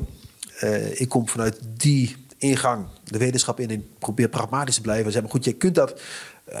maar goed, daarvoor moet je heel veel publiceren. Dat is echt nog niet zo makkelijk. Nee. En ik had ook gedacht, dat dit is voor mij niet bestemd. En hij gaf me echt de opdracht, dat moet je gewoon gaan doen. Dus ik heb me daarin vastgebeten. Eh, ik heb het behaald. En heb ik het behaald, wo- wordt de wereld dan anders. Ja. Bijna paradoxaal, juist niet. Want mensen hebben altijd nou ja, naar me geluisterd... omdat ik die ondernemersperspectieven bracht. Ja. En word in één keer de wetenschapper. Dus vooral niet doen. Ik had hem gehaald. En wat nu? Prachtig feest gegeven. Ik heb een oratie mogen uitspreken in november. Ja. En wat nu? De tweede Kiss of Death. Ik, had, eh, ik was docent in zo'n sport leadership program. Met allemaal die oud-Olympisch kampioenen, wereldkampioenen, et cetera. Een groepje van 16. Ja. Een paar jaar op rij. En ik ging op een gegeven moment in 2016 naar de Olympische Spelen toe. Tenminste een aantal. Dus ik had voor mezelf bedacht, ik moet ook weer een nieuw pakketpaaltje hebben. Ik ga een marathon lopen op elk van die zeven continenten. Oh ja. De eerste Olympische ringen en later weer het zeven continenten. Dus ik heb in december heb ik de marathon van Antarctica volbracht. Ja, Of all places. Dus ik had die andere zes gedaan. Dus het was een reis van jaren. Elk jaar deed ik er eentje. En dan kom je op de meest bijzondere plekken. Ik heb de Chinese muurmarathon gedaan. Dat was fantastisch. De Outback in Australië. eh, In, in het Krugerpark. De Big Five marathon. Dan loop je dus tussen de wilde beesten. Nou, een fascinerende mooie reis. Dat Eentje- kan soms wel motiverend helpen, denk ik. Als er een tijgertje... nou ja, ik kan je de foto's van laten zien. Dat er gewoon twee eh luipaardbroertjes op de inspectietour liepen de avond ervoor. En de volgende dag loop je daar in je eentje. Ja, precies. Maar je denkt van goed, waar, waar kan ik die broertjes tegenkomen? En Ja, dit is een hele bizarre ervaring. Maar er stond nog eentje op mijn agenda dus. Anders heb je hem niet. En een resultaatgerichte doener wilde het dan ook afmaken. Natuurlijk. Dus ik moest dan naar Antarctica toe. Dat heb ik in december gedaan. Ja. Nou, dat was een intense ervaring, kan ik je zeggen. Het was intens mooi, bijzonder, mogelijk zelfs zingevend. Maar ja, dan kom je thuis. Ja. En maar nu? Postnatale depressie. Postnatale depressie, laten we het zo noemen. Dus ik had hem dubbel te pakken. En dan kan je zeggen, het doet echt wat met je. Ik heb er echt moeite mee gehad. Om jezelf dan toch weer op te richten. En zeggen, weet je, nee, dat waren dus piketpaaltjes uit het verleden. Ja. Kom op, joh. Nieuwe dingen. Cyclisch. Cyclisch. Ja. Cyclisch. Ja, mooi. Maar het, het, het, het, het gebeurt je dus ook echt. En ook, eh, je kunt die theorieën dan eh, opschrijven. En kennen en kunnen. Maar ook ik heb daar echt weken last van gehad, kan ik je zeggen. Ja, maar ja, niks menselijks is je vreemd gelukkig. Heel goed, maar dat is dus echt... eh, en ook dan weer mild. En ook, ik, kon, ik, ik moest er gewoon lachen om... Corde, jongen. Echt. Vind ik nog wel even interessant eh, eh, om daar extra op in te zoomen. Denk je Ja. nou dat je beter af bent of slechter af bent omdat je weet wat je moet doen? Ja, ik ben beter af, ja. Best wel beter af? Ja, want ik heb ook wel eens het gevoel, want ik heb bij mezelf ook wel eens tegengekomen. En dan denk ik, Mies, je zou beter moeten weten, gast. Nee, Hoe kan het zijn dat jij met alles wat je al geabsorbeerd hebt... Nee. Snap je? Nee, dat is, ik heb nu al een glimlach op mijn gezicht. Dat is het mooiste. Dus als je dat voor jezelf kan inzien, ben je eigenlijk nog een stapje verder in mijn optiek. Ja. Lach om jezelf. Ja, nee, sowieso. Het is, het- en dan zit je continu, als je dat weer terugbrengt naar de theorie, dan zit je dus weer in die fase van onbewust onbekwaam, of misschien bewust onbekwaam. Ja. En dan weet je ook van, weet je, dit hoort er allemaal bij en dit moet er ook gewoon zijn. En dat geeft je dus ook weer een reden om weer nieuwe dingen op te pakken. Ja. Ik denk dat dit eigenlijk de- meteen het antwoord was op de volgende vraag. Die ik had, wat, namelijk, eh, dat was, wat, zijn, wat zijn inzichten die je leermeesters je hebben geprobeerd uit te leggen... maar enkel pas klikte nadat je het zelf ervaren had of had gedaan? Nou, die Kiss of Death lijkt me sowieso zijn- een aanmerking er, komen. Er zijn, er, er zijn er zoveel. Ja, Ehm, de belangrijkste? Nou, echt, echt voor mij het allerbelangrijkste dat lemniscatisch denken. Ja, dus, dus continu jezelf toetsen. Dus introspectie als belangrijkste vaardigheid, competentie voor leiderschap. Daar die tijd voor moeten nemen om dat echt, eh, om jezelf echt onder de oog te nemen. Mhm. En daardoor eh, meer vrienden met jezelf kunnen zijn. Het, het onafhankelijke, afhankelijke, het afhankelijke, onafhankelijke kunnen omarmen. Eh, je krijgt ontzettend veel rust over je heen. Wat mensen dus ook weer aantrekkelijk vinden. Dit, dit, alles is het paradoxale. Ja. En als je dat ziet, dan kun je dus zelfbeheersing inzetten om minder schade toe te brengen, om jezelf weer de tijd te gunnen om naar de andere tegenpol te gaan. En onderwijl om jezelf kunnen lachten. Poeh, Ja. ik was toch behoorlijk doorgeschoten met mijn ijdelheid. Ja, ik snap het. Ja, soms is de meest gedisciplineerde daad niets doen.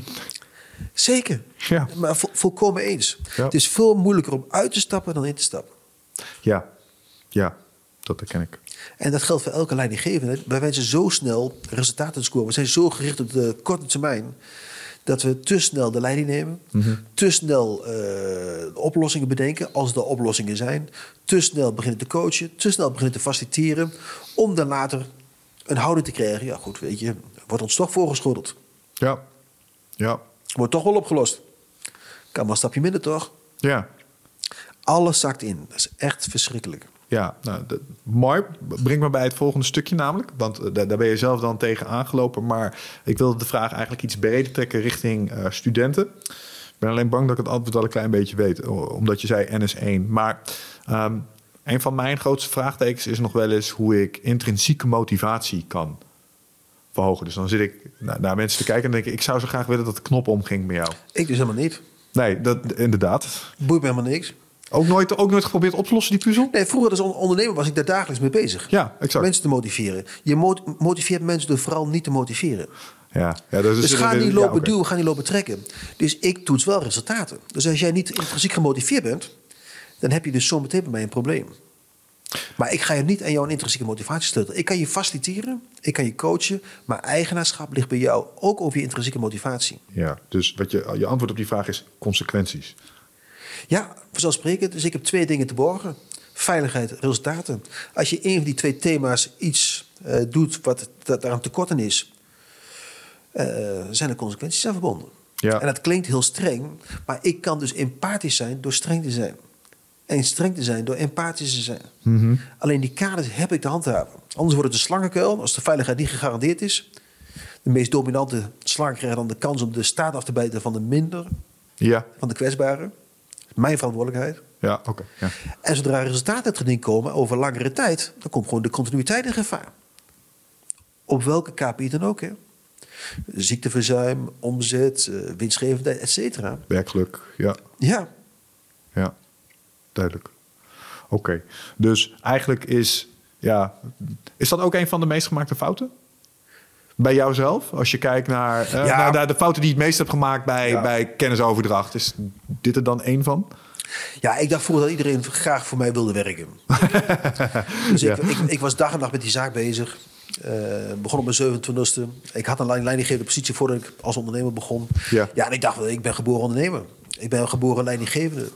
Dus iedereen vindt het fantastisch om mee te werken. En dat wilde ik heel graag laten zien. Dus ik ging tot uiterste. Hè, dus ik strooide met auto's, ik strooide met bomen. Wel, Ik was echt bezig met pleasen. Ja. En te denken dat ik daar op die wijze mensen boeide en binden. Loyaliteit gaat aan de voordeur. Oké, Je krijgt een paradox op je neus. ja. Dus dat, dat als doet, mensen zien- doet dat nee. niks dan? Nee, dus boeien en binden doe je vooral door niet te boeien, niet te binden. Ah. Dus hoe, hoe krijg je boeien en binden? Dus als je mensen inzet op satisfies. Hè, Dus je hebt zo'n zo'n zo'n zo'n mooie theorie over satisfies en dissatisfies. Wat zijn dissatisfies? Bijvoorbeeld salaris of een Ja. bonus. En dat zie je in, deze, in on- onze westerse wereld, op de Zuidas zoveel. Dus ik heb afgelopen jaar een bonus gekregen van 300.000 euro. Om het maar te overdrijven. Ja, dit jaar krijg ik een bonus van 200.000 euro. Wat een Waar- kutjaar. Waar, waar, waar heb ik dat aan te danken? Ja, ja, exact. Ik krijg een eh, salarisverhoging eh, volgende maand. Ik krijg 1000 euro meer. Op die eerste maand zul je misschien op dat ene moment dat je je salaris ziet denken... Ah, gaaf, lekker fijn. Maar de tweede maand kijk je er al niet meer naar. Wat zijn dan echt satisfies om dan terug te komen naar boeien en binden? Satisfies zijn dingen als eh, opleidingen. De kans krijgen om te groeien. Ja. Aandacht, feedback, coaching. Dat zijn echt satisfies. Dus als je als leiding- als leidinggever, als organisatie in staat bent om die satisfies in ruime mate te voorzien, mensen krijgen je aandacht, dan zie je dat in dat soort organisaties mensen beginnen te floreren. Ja, laat ik nog maar even blijven. Want ik word elke dag hier beter. Ja. Ik ga een keer, en dat weet ook elke ondernemer, elke leidinggever, ze gaan een keer. Maar hoe langer je ze op topvorm in een lerend proces behoudt, omdat jij hen laat leren. Dat is een van mijn strekkingen, dus ook altijd. eh, persoonlijke groei gaat voor teambelang. Vaak wordt ons onderwezen, alles draait om het team. Ja, Nee, je krijgt een goed team door je te richten op persoonlijk belang. ja, exact. Daar zit een volgorde in. Dus als je alles doet vanuit het teambelang en geen oog hebt voor het persoonlijk belang, mensen vertrekken op een gegeven moment. Nee, zodra je kunt richten op de persoonlijke belang, op de persoonlijke groei van mensen, gaat je team groeien. Ja. Het is gaaf om hier te werken. En we zitten in dezelfde omgeving en op welk niveau en welke senioriteit we ook zitten. Maar iedereen is aan het groeien. Heerlijk om hier te zijn. Ja, bovendien is een team een soort eh, synergetische som van zijn losse elementen. Dus hoe hoger zo'n los element scoort op, dus hoe waardevoller je team of zo. Maar dat is heel berekenend natuurlijk om zo Ja, te denken. van, die, van die one-liners erbij horen. Maar je hebt dus allemaal verschillende mensen nodig in je team. En je kunt niet alleen met keepers werken. Nee. Niet alleen met, eh eh, met het linksbuiten is. En dus als je Mark Overmars in die tijd... Misschien een verkeerde term nu. Maar als je... als je Ik snap dat hij hier nu bovenaan dobbelt, ja. ja. om- Omdat het zo'n goede linksbuiten was. Maar bijvoorbeeld een Anthony bij Ajax momenteel. Ja, als je die op mid-mid zet, dan is hij veel minder een goede speler. Hmm. Deze jongen heeft ruimte nodig om zijn balvaardigheid, met name zijn snelheid te kunnen inzetten, om die actie te kunnen maken. Zet je hem opgesloten tussen, tussen spelers in, komt zijn zelfeffectiviteit niet uit. Ja. Dus je hebt mensen ook in je team te verzamelen met allemaal verschillende talenten. Dat is heerlijk. Alleen moet je daar de ruimte wel voor geven. ja. Ja. Het begint met bewustwording. En dat is niet altijd even eenvoudig, want ego en alle Exact, zaken. exact. Maar daarom Michel zo boeiend. Ja, ja, snap ik. Aantal van deze basisconcepten. Hè. Ehm, super waardevol, alleen ook niet binnen een dag geleerd, denk Nee. ik. Ehm, hoe kijk jij aan tegen... Laat ik de vraag herformuleren. Ik merk dat ik soms een terughoudend heb bij, bij mezelf bespeur om sommige stukjes nog een keer te behandelen. Dus herhaling, want mensen zijn uit op nieuwe content. Maar tegelijkertijd weet ik ook dat je een trap 10.000 keer moet maken om maar de notie te krijgen van hoe die werkt. Ja. Ehm, hoe belangrijk vind jij herhaling? Enorm belangrijk. Ja. Tot het irritante af. Het, exact, oké. Ja.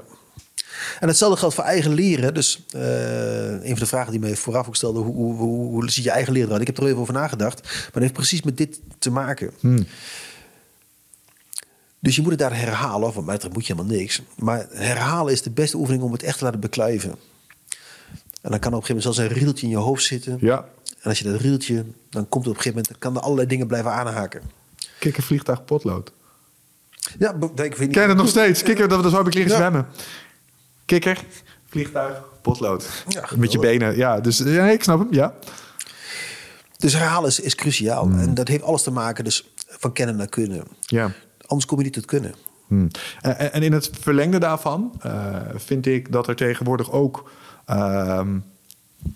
er is veel op te merken over het onderwijs. Eh, en een van de dingen die, die nu nog wel eens wordt gezegd, is dat eh, de hoeveelheid informatie die je vroeger moest onthouden, daar heb je helemaal niets aan. Ja. Ehm, en ik vraag me af, nou, ik weet niet of dat zo is. Want sommige dingen zijn toch wel verdomd tof om in je algemene kennis te hebben zitten. Want dan kan je er makkelijk bij en kun je het niet googlen. Ja. Want je hebt niet altijd Google.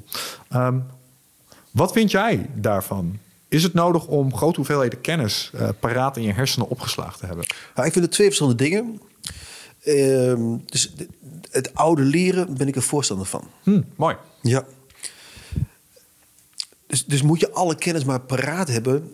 Nee, maar je moet wel patronen uh, incorporeren om later nieuwe kennis makkelijk te kunnen laten aansluiten op die patronen. Oh, dat is en als je die patronen mist, je mist het fundament.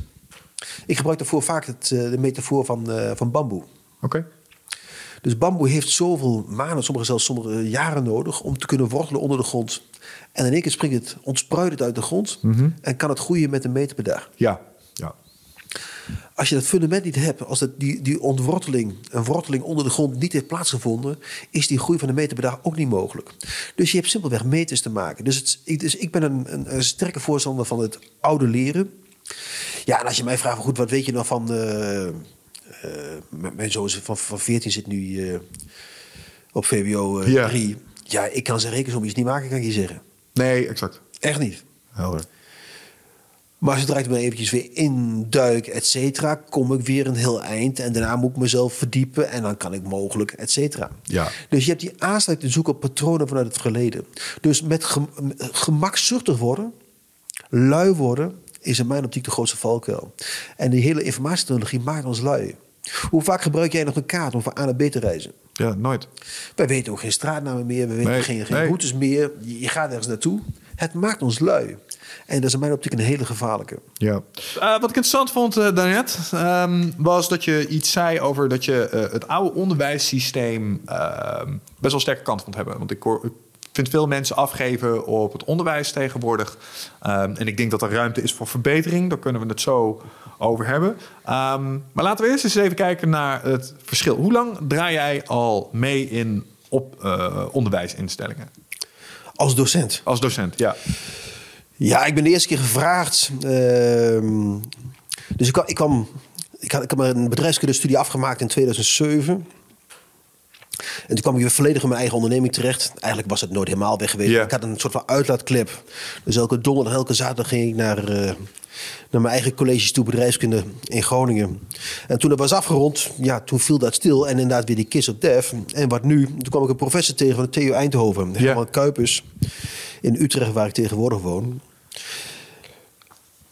En dat traject begon eigenlijk in 2008. Een soort van, van buiten promovendus traject. Om in Ja. 2009 bij Nijrode aan te kloppen. En voordat ik promoveerde daar in 2011...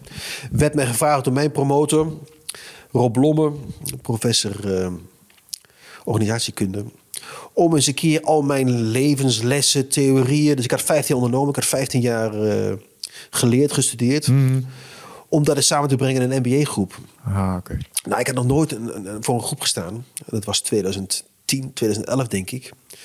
Dus ik heb toen voor zo'n groep gestaan en al mijn falen in een college. Nou, het, het was, het was geen college, het was gewoon uit, uit ik deed maar wat.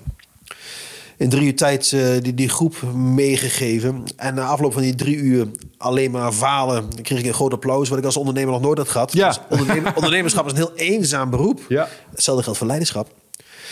Ja, toen dacht ik, hoe mooi is dit?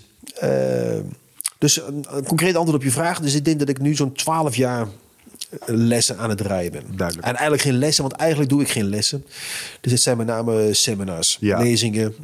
Dus dat heb ik wel gedaan hoor. Nee, prima. Maar dat is dus wel het moment waarop je eh, de, de, een, een onderwijsinstituut kan binnenlopen. Ja. Dus ook kon meekijken achter de schermen. Ja, Ehm, ja leidinggevend binnen onderwijsprogramma's. Ja.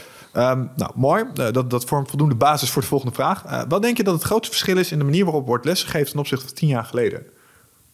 In het wetenschappelijk onderwijs? Of Ja, het, in, eh, dat- in dat wat jullie doen. Nou, ehm, er wordt nog meer gecontroleerd. Dus we zijn nog meer bezig met al die accreditaties, met al die regeldruk dan vergeleken met tien jaar geleden. En dat vind ik geen goede. Regeldruk op de docent of regeldruk op de student? Nee, regeldruk op de docent en op de organisatie. Ah, ja. Dus wij zijn afhankelijk van vanzelfsprekend van accreditaties. Ja. Maar wat je er tegenwoordig voor moet doen om die accreditaties te behouden, hoeveel dossiers je moet aanleggen, wat je moet allemaal moet meten. Hmm. Meten is weten, controleren. Het is een gigantisch werk geworden. Wat steeds meer tijd en middelen vergt. En die tijd en middelen kun je maar één manier inzetten. Dus als je dat inzet ten opzichte van hè, ten, ten behoeve van bureaucratie, Ja. gaat het ten koste van lesprogramma's Juist, dus van ook het welzijn van docenten. En daarmee ook het welzijn van studenten. Dus die regeldruk eh, ervaar ik als veel meer dan eh, tien jaar geleden. Ja, oké, helder. Ehm, Ja, dus uh, in, in dat opzicht merk je dat uh, de behoefte aan uh, betere kwaliteit er eigenlijk voor heeft gezorgd dat er nu een druk op kwaliteit ontstaat, omdat er aanvullende administratie moet worden gedaan om die kwaliteit te bewijzen. Ja, ik heb, ook, ik, ik, heb daar ook een prachtig, echt, dat vind ik een van de, mijn, mijn mooiste onderzoeken naar gedaan en een van de mijn mooiste academische publicaties. Hmm. non-conformisme onder leerkrachten. Er is een publicatie geworden bij Nature, door mensen zelf te googlen, anders bij mij op te vragen hoe uh, de non-conformistische leerkracht, in dit geval ging het over basisschoolleraren, meer gevoelens van welzijn hadden en meer, minder last hadden van, van burn-out.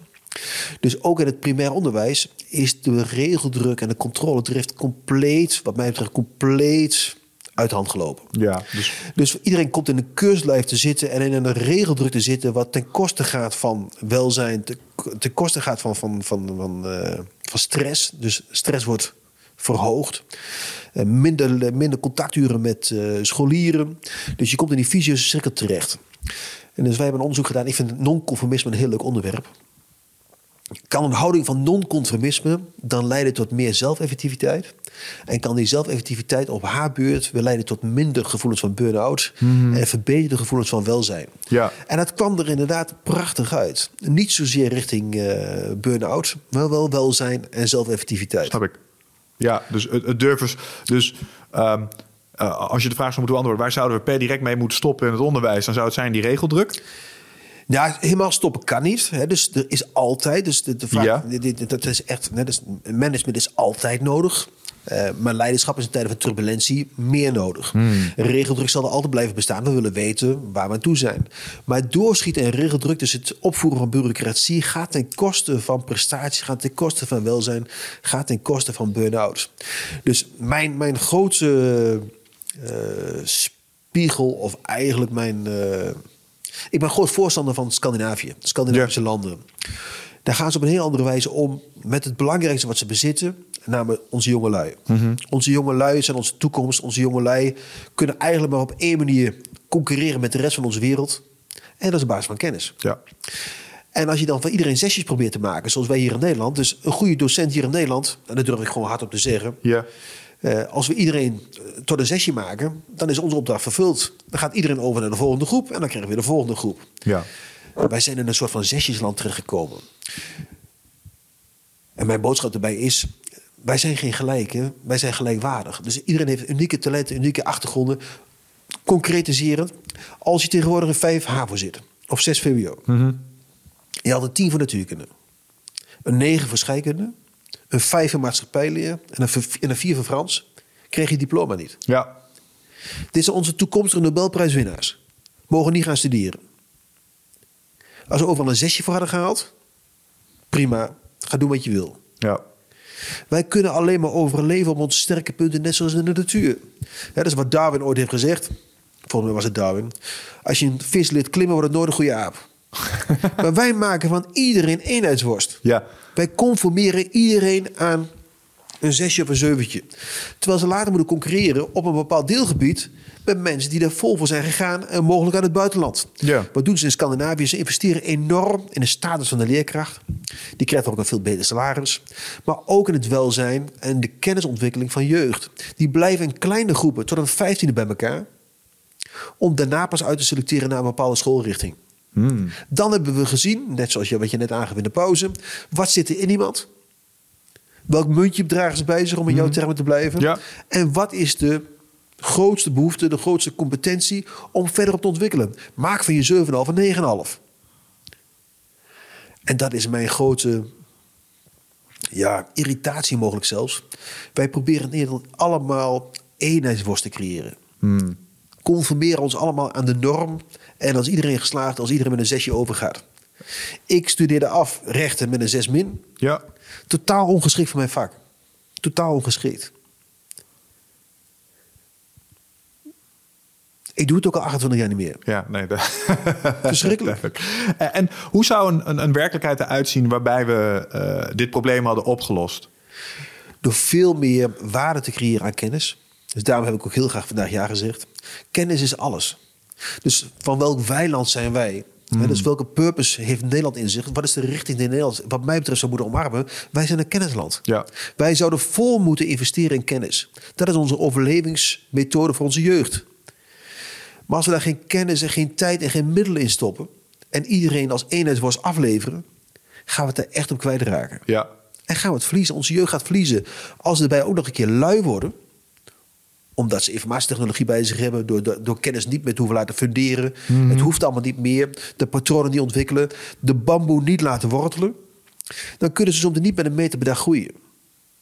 Duidelijk. Ja. Eh, En dat groeien is noodzakelijk. Niet zozeer om doelen te bereiken, maar ook om een bevlogenheid vast te houden, om een doorzettingsvermogen aan te zetten, om obstakels te kunnen overwinnen. Dus een van de vele mooie vormen van doorzettingsvermogen is naast wilskracht en toewijding vasthoudendheid. Dus oplossing A lukt niet, oplossing B lukt niet, oplossing C lukt niet. Ik ga voor oplossing D en dan creëer ik oplossing E ook. En we gaan net zo lang door. We houden vast tot we het doel bereikt hebben. Ja. En die vasthoudendheid in relatie tot de hoogste vorm van hè, die bloemtaxonomie, creëren de belangrijkste skill van de toekomst, het probleemoplossend vermogen van professionals. Dat is iets wat we, denk ik, in het onderwijs echt veel meer zouden moeten accepteren, moeten omhelzen en daarop volop investeren. Ja. De wereld verandert zo snel. We hebben niet in de gaten. Moest kijken wat de afgelopen weken is gebeurd. Het draait om probleemoplossend vermogen. Als we iedereen afleveren tot eenheidsworst en bekend met Google-achtige methodes om dingen in te vullen en we krijgen er wat uit, gaat het probleemoplossend vermogen naar de knoppen. Ja, totdat je eh, internetverbinding eh, eruit ligt. Eh, Elon Musk geen Starlink kan lanceren. En nou doet je Google het niet meer. En nu heb je een issue. Ja, dus daar heeft het weer een nieuwe oplossing voor nodig. Ja, check.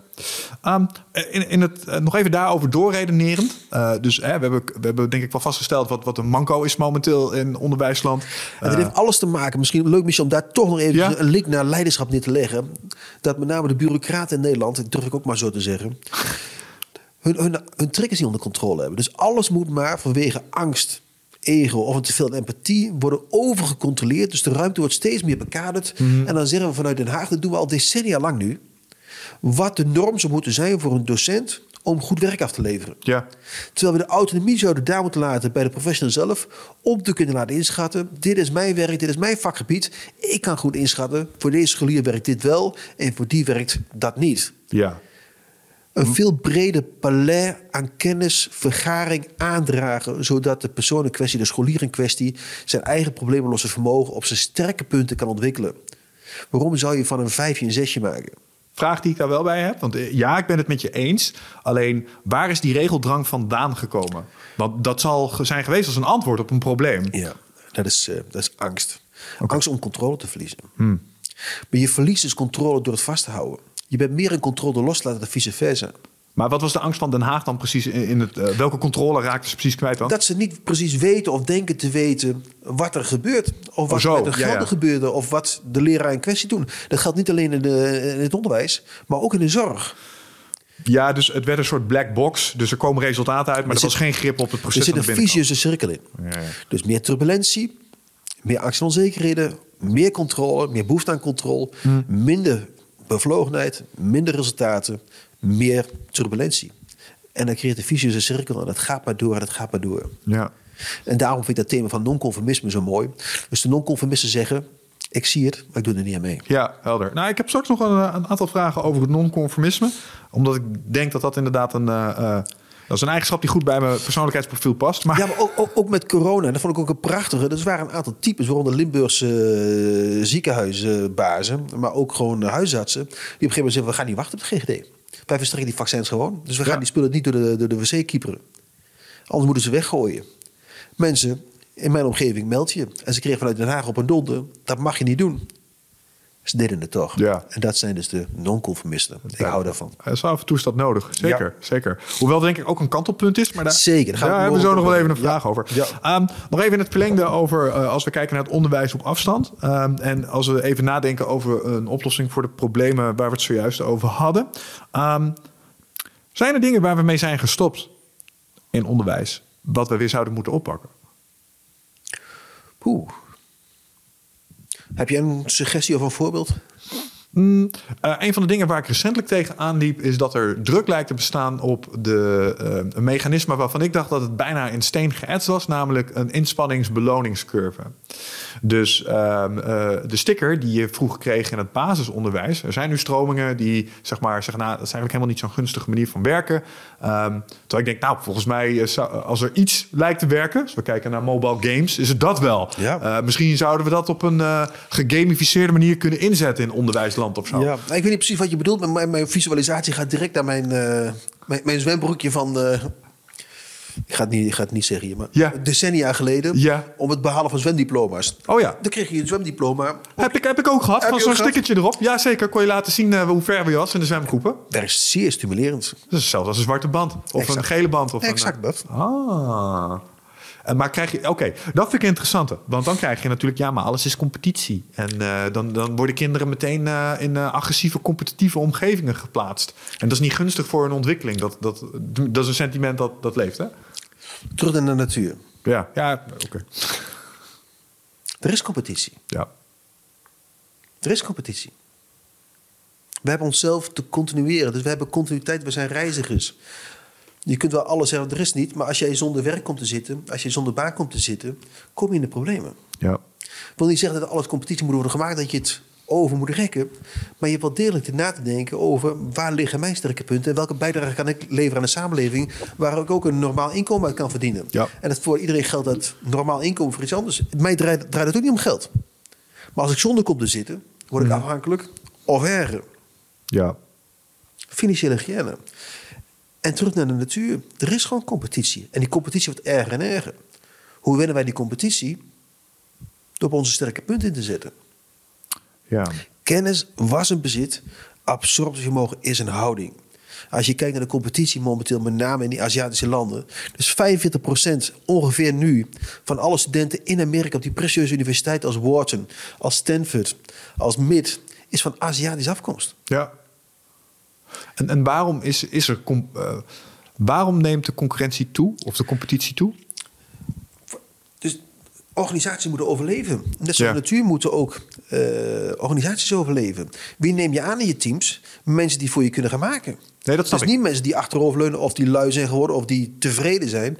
Nee, mensen die vol bevlogen en absorptievermogen inzetten om het probleemlosse vermogen in te zetten om morgen resultaten te boeken. Sure, nee, I get that. Maar uh, het gaat mij om waarom ervaren wij als Nederlanders competitie van bijvoorbeeld, van, van bijvoorbeeld Aziaten? Want competitie suggereert dat er een resource is die schaarser wordt, waarvoor je strijd moet leveren met elkaar. Waar ligt Ja. de competitie momenteel? Er- ligt misschien een, een, een, een, een, een, een negatief beeld over competitie. Ja. voor mij, het is. Ik kan er waarde naar vergen, maar het is. Zeker. Dus ik heb er geen plus of geen min bij. Het is. Eh, en dat betekent dat de competitie, dat ik moet ik de hele dag in competitie zitten? Nee. Dus de enige competitie ben ik zelf. Dus ik kan mezelf verbeteren elke dag. Ja. Maar ik heb wel degelijk rekening te houden met de samenleving waarin ik zit. En die is niet nodeloos faciliterend of. of eh, Nee. Nee, oké. Nee, maar ik probeer even beter te begrijpen eh, ehm, eh, wat factoren zijn die ervoor zorgen dat bijvoorbeeld het, het, het arbeidslandschap of bijvoorbeeld eh, internationale eh, concurrentie, dat we daar meer druk door ervaren. Het zal angst zijn. Hm. De angst door toegenomen concurrentie. Ja, dus wat laat die, wat laat die concurrentie toenemen, is mijn vraag. Dus de, dat heeft te maken dus met die informatietechnologie. Ja, oké. Dus die kennisachterstand die Azië had, die ook, dus een heel mooi voorbeeld vind ik bijvoorbeeld Afrika. Afrika, in heel Afrika, nou heel Afrika overdreven, maar in Afrika liggen heel weinig telefoonlijnen. Ja. Die zijn in één keer overgegaan op mobiele telefonie. Oh. Die, die, betalen al makkelijker contactloos dan wij in Europa. Ja. Ze hebben gewoon hele fase overgeslagen. Omdat ze dit hele onderdeel in die 20 jaar niet hebben meegemaakt. Ja, ja, ja, ja. Die weten niet wat het is om te draaien met een telefoon. Kennis was een bezit. Absorptievermogen is een houding. Ja. Dus kennis is nu overal voor iedereen beschikbaar. Overigens, jij hebt inmiddels denk ik ook wel studenten die dat niet gedaan hebben. Ja, denk ik ook. En Die niet ik meer weten- Ik voel mezelf een, een, een digitaal dinosaurus. Dus ik kan ook niet meer mee, eh, zelfs met mijn eigen kinderen niet. eh, Nee, die beginnen nu te merken, ja? Ja, ik heb er nu ook overal, niet overal interesse voor, kan ik je zeggen. Nee, nee, dat merk ik bij mezelf ook wel. Dat dat eh, TikTok, dit zit me niet. Nee, nee, Eh, ja. Wat is het? Maar ik vind het wel weer grappig. Hè? Dus, een van mijn laatste schriftelijke interviews, dat ging over de, de Great Resignation. Ja. Dus je ziet nu dat twee op de drie professionals in Amerika hun baan verlaat. En niet alleen maar hun baan verlaat, maar dus een TikTok-filmpje opneemt. waarin ze hun ontslag aankondigen. vol jolijt. Met name toename van de werkgever. Dus niet alleen zijn ze werknemer kwijt. maar wordt ook nog een keer bespottelijk gemaakt op TikTok. en miljoenen keren gereviewd. Dus als je niet oppast. Hè, dus je kunt zo'n TikTok negeren. Ik doe dit eerlijk gezegd ook wel een beetje. Maar ik heb het wel degelijk in mijn snotje ergens op links. Want die ontwikkelen die gaan het, met name de Z-generatie professionals, de eindtieners, Ja. zitten dus wel op TikTok. En je reputatie van je bedrijf is afhankelijk van dit soort technologie. Ja, je mag er niet naïef in zijn. Je mag er niet naïef in zijn, Nee, dat is een goede. Ja, heel goed. Ehm, laten we nog even doorgaan eh, over technologie. Ehm, denk jij dat moderne technologie onder de streep ons leervermogen heeft verminderd of verbeterd? Een van mijn uitspraken is: digitale innovatie maakt meer kapot dan je lief is. dat is een duidelijk antwoord op deze vraag. Dus verminderd. Kun je dat toelichten? Ja, dus eh, digitale innovatie, dus het beschikbaar stellen van eh, gratis kennis of eh, makkelijk toegankelijke kennis, leert ons eigenlijk niet te leren. Dus je hoeft niet de verdieping te zoeken, je hoeft niet te gronden. Dus voor iedereen kennis, en daar ontstaat dus ook fake news. Je kunt dus van alles in de lucht gooien, Ja. zonder je te verdiepen waar ligt de bron. En dus de Mount Everest zou, volgens een rapport van een jaar of eh, tien geleden, nu al totaal onbesneeuwd zijn. En dat is zelfs door de hoogste instantie uitgegeven. Ja. Terugleidend naar waar kwam nou die op? Want er ligt nog steeds sneeuw op de Mount Everest. Ja, dat bleek dus een scriptant te zijn van een bachelorstudie ergens in Genève, Zwitserland, die dat ongetoetst geduid had. En dat is ergens herhaald, herhaald, herhaald. Tot gegeven moment als een feit. Dat is waarheid nu. Ja. Dat is waarheid nu. En dat is het, het moeilijke met kennis, zeker vandaag de dag. Om niet meer de link helemaal te leggen naar de wortels van waar ontstaan nu dingen. Is het getoetst? Is het dubbel getoetst? Is het contradictioneel getoetst? Om daarna te kunnen zeggen, dit is kennis. Dus fake news ontstaat ook zo. Iedereen roept maar wat. Ja. En, en- en ik denk dat als je kijkt naar de meest negatieve bijdrage van technologie, dan hebben we hem daar wel. Ja, en ook heel veel. Dus dit gaat mij op betreft name over overlevingsstrategieën van bedrijven. Dus de meeste organisaties, en daarom gebruik ik vaak die opmerking, overleven op custom intimacy. Dus je hebt drie overlevingsstrategieën volgens Tracy en Wiersma, om het heel snel even te duiden. Eh, unieke producten, unieke diensten. Differentiatietechnologie. Ja. bijvoorbeeld eh, Tesla vandaag de dag, Nokia geweest, Apple geweest.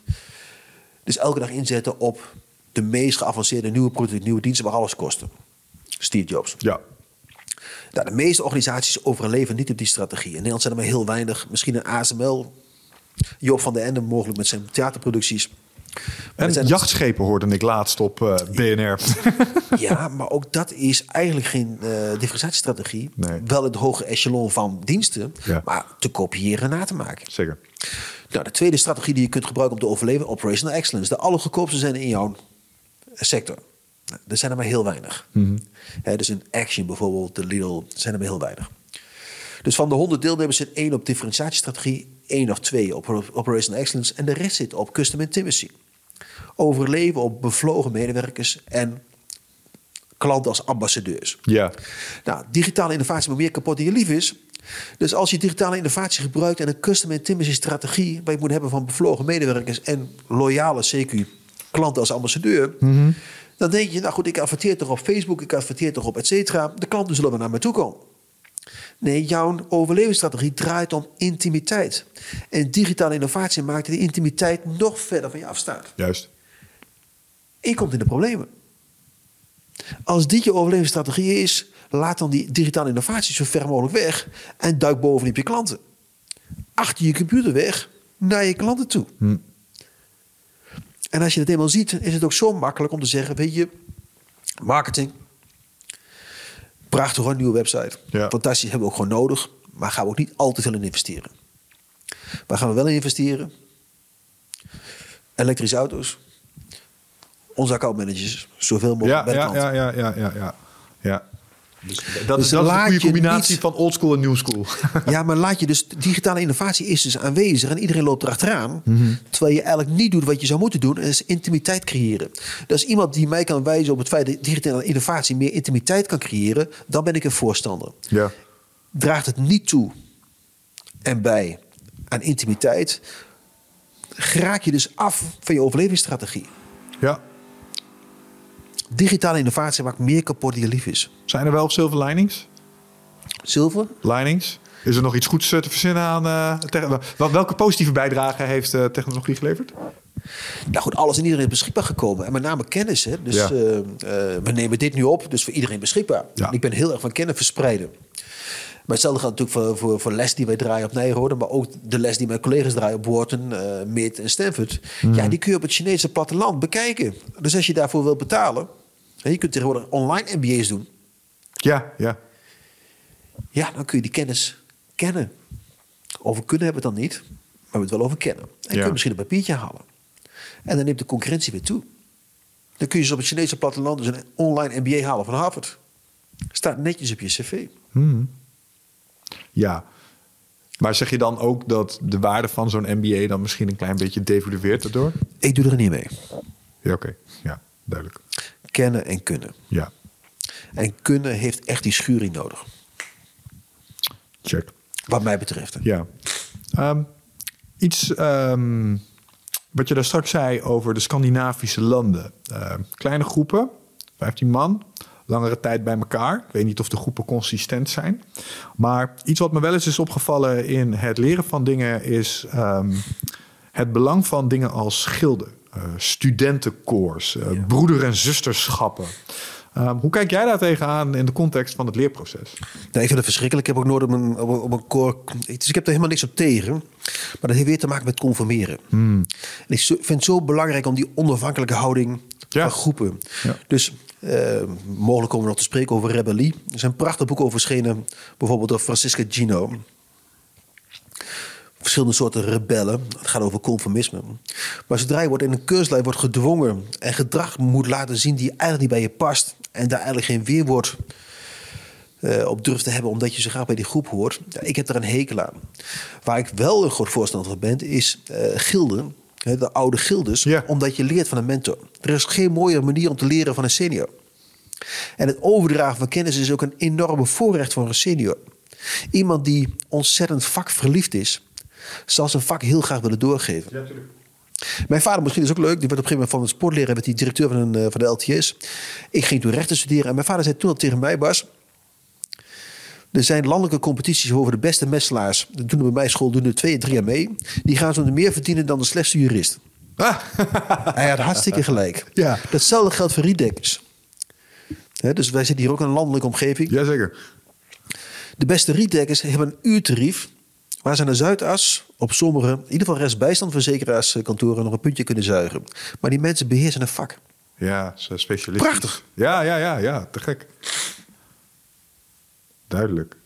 Um, dus het beheersen van een vak, dus voor mij geldt altijd demotie.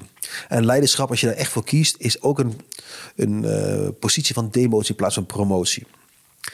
En dan kies je dus voor het vak van leiderschap. Dat betekent dat je heel veel uren moet maken, wat mij betreft moet, ja. uh, om je te bekwamen door vooral niet te doen.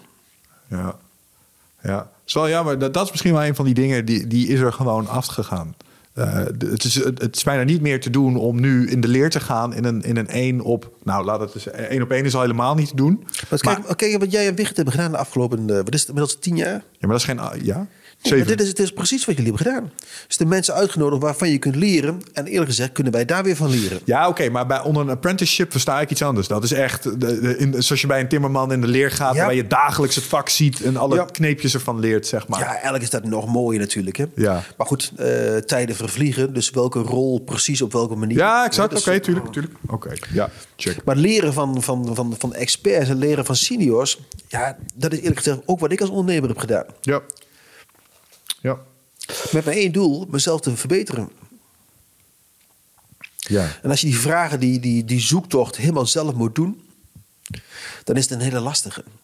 Dus je gaat op zoek naar, naar mensen waarvan je denkt, daar kan ik bij aanhaken. De, die, die wijze van, uh, van overdracht past bij mij. Uh, ja, ik wil me daar aan linken. En ja. op een gegeven moment, dus ook weer terug te brengen naar bijvoorbeeld filosofie en, en religie. Dus bijvoorbeeld het boeddhisme. Er zijn zeven stappen naar Boeddha. En als je Boeddha hebt gevonden, dan loop je weer door. Je verlaat Boeddha weer. Om de mentor te zijn voor mensen die op zoek gaan naar Boeddha. Mm -hmm. Ik vind het een prachtige. Ja. Dus wij zijn reizigers, wij zijn op zoek naar de waarheid, tussen haakjes, op ieder geval naar kennisvergaring. Op een gegeven moment vind je Boeddha, dat ben je eigenlijk zelf, dat is mijn interpretatie in ieder geval, om die weer te verlaten, om een ander weer op het spoor te brengen naar et cetera.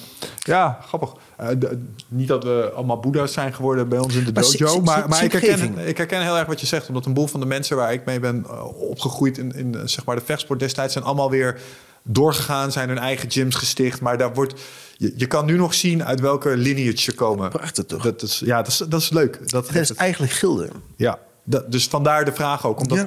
Want dat was iets moeilijks wat je moest leren. Maar we waren wel met een, een terugkomend clubje. eh, dat hetzelfde probleem probeerde op te lossen. We begeleiden elkaar daar ook bij. Er was één eh, de duidelijke meester die uitlegde hoe het zat. Die had een bepaalde kijk en stijl. Ehm, en, en ik denk dat in alle moeilijke dingen dat, dat zulke constructies helpen. Maar het is een voorrecht, Michel. Dus als je in zo'n in zo'n functie zit als die leerkracht, de leraar van jou... Ja, sure. om dan in die groep te zien... wat zijn de pareltjes? En welke pareltjes zie ik mogelijk nog niet? En die ontwikkelen zich in één keer heel snel. Niets is wat het lijkt. Sommige mensen beginnen met een bepaalde leersnelheid... om in één keer die, die exponentiële curve te maken. Ja. Terwijl andere mensen afvlakken. Dus afhankelijk van zoveel facetten... blijven mensen doorgroeien of vlakken ze af. Ja. Ik, ik vind het super interessant om eh, te zien in mensen. En daarom ook mijn simpele uitdaging of uitopbrengst. N is één. Dus als je maar één iemand in je groep mag hebben die in één keer zo ziet groeien en de dingen ziet eh, omarmen, ah, dat is fantastisch. Ja, ja. Om mensen die groei te laten maken. ehm, en je wil ze feedback geven op eh, de manier waarop ze dingen leren. Heb je, wat mij betreft, zijn er twee dingen, eh, constructen die daarbij worden gebruikt, waar ik even bij stil wil staan. We hebben het er net al even aangeraakt. Ehm, wat is wat jou betreft het belang van de inspanningsbeloningsboog in het leerproces? Inspanning, beloning. Ik ben helemaal niet van belonen. Je bent niet van het belonen. Ik ben helemaal niet van het belonen. En, en in die zin zelfs, ik vind het een, een- ook een dissatisfier om terug te komen op die theorie. Ah, ik ben enorm van waarderen. Maar je beloont jezelf. Dus zodra je je moet gaan belonen om een inspanning te leveren, ben ik eigenlijk ver van huis. Oké, maar la- la- laten we dan belonen vervangen door waarderen. Ja, waardering is belangrijk. Hè? Dus, eh, en waardering kan het ook, ook, ook zijn in het ontvangen van negatieve feedback. Ja. Als het dan negatief Want is. wat Maar is het verschil tussen belonen en waarderen wat jou betreft? Belonen is een, is een, eh, een bepaalde tastbare... eh,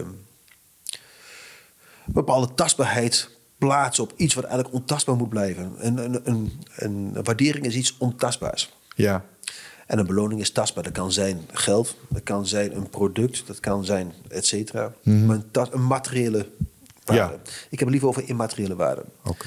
Zodra je komt te zitten in die beloning, dan is de volgende keer het al niet goed genoeg. Dus de vorige keer kreeg ik na die inspanning kreeg ik die beloning. Ja, nu zal ik toch ongeveer, of ik zit eigenlijk al over die inspanning en mijn beloning is minder. Ja. En dus er, dus er zit niet een mechanisme in waarbij mensen ook wel zien, maar ik heb tenminste wel iets gekregen. En dat is fijn. Mensen, mensen moeten zich vooral inspannen op zichzelf. Ja, oké. Dus jezelf belonen is dan wel weer een optie. Ja, doe dat vooral. Maar wees ook daar weer eh, beperkt in. Uh, Want bescheiden. Nou ja, bescheiden. Dus een van die andere hoofdzonden is eh hebzucht, wellust, eh, vraatzucht. Luiheid. Ja, dat is ook, ook zo'n. Maar dit is dus wellust, hebzucht, vraatzucht. Dus als je je beloont met een etentje bijvoorbeeld, is dat fantastisch. Ja. Maar ga je eh, een maand lang eh, uit eten, Ja. zul je er geen enkele. Zes liter Ben Jerry's is overkill, begrijp ik. Ja, dus als je ja een, nee, oké. een, goed, check. een goed feestje bouwt, vind ik fantastisch. Ja. Maar doe het 30 dagen lang in de maand. Oké. En, en- en de keerzijde van dat verhaal? Eh, namelijk straf, consequenties en represailles in het leerproces. Nou, ik ben niet van straffen en uh, represailles, ik ben wel van consequenties. Ja. Oké. En je neemt zelf je eigen straf. Je beslist over je eigen straf. Oké. En wat is dan... Dus het straf en consequenties zijn wat mij betreft twee verschillende dingen.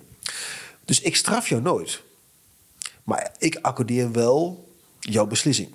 Ja, ja. Dus stel in zo'n voorbeeld die we net hebben geduid voor de pauze. eh, iemand maakt een opmerking die absoluut niet past. Ja, ja, ja. Ja, dan is mijn communicatie terug. Als jij hiermee doorgaat, neem jij de beslissing om hier ontslag te nemen. Ik accordeer dat. Oh, ja, ja. Ja, ja ik snap wat je zegt. Is dat een straf? Nee, dus geen straf, dat is een consequentie. Ja. En die consequentie, en als het dan een straf is, voor mij is het een consequentie, is die heb je zelf genomen. Dus jij bent eigenaar van je eigen gedrag. Dus ik geef je mijn perceptie, mijn gedachten weer. Dit past niet. Ga je hiermee door, neem jij de beslissing om hier ontslag te nemen. Ik accordeer dat. Ik vind het wel mooi, want het is een soort antwoord op een, volg- op een volgende vraag. Maar hij is, het is een hele sadistische teken op eigenlijk, omdat je iemand zijn eigen straf laat verzinnen. Ehm, namelijk, een van de vragen is, wat, wat is de sterkste disciplinaire eh, maatregel die je kent? Dus, dus stel je wil gedrag corrigeren op, op zo'n manier. Wat is dan eh, de, de, de meest impactvolle, misschien zelfs wel een klein beetje sadistische manier uh, om iemand te laten merken, uh, tot hier en niet verder. Mag met een, knip, met een knipoog zijn, hè, deze? Ja, dus ik zit even te kijken naar waar je... Maar de, de, de, de confrontatie aan groep is voor mij de belangrijkste disciplinaire maatregel. Ja. En zou je dat in een één op één gesprek doen, dan komt het niet over. Ja. En, hij, en iemand gaat met zijn eigen verhaal aan de loop en zal die strap ook niet zo zien. En ja, nogmaals, ik ben niet van uh, discipline. Discipline ontstaat vanuit iemand zelf. Betekent wel dat je een bepaalde discipline, een bepaald kader moet aangeven. De, daar zijn we wel van, daar zijn we niet van. Mhm. Dus ik ben ook. Een, er bestaan geen zelfsturende teams. Die bestaan gewoon niet. Oké.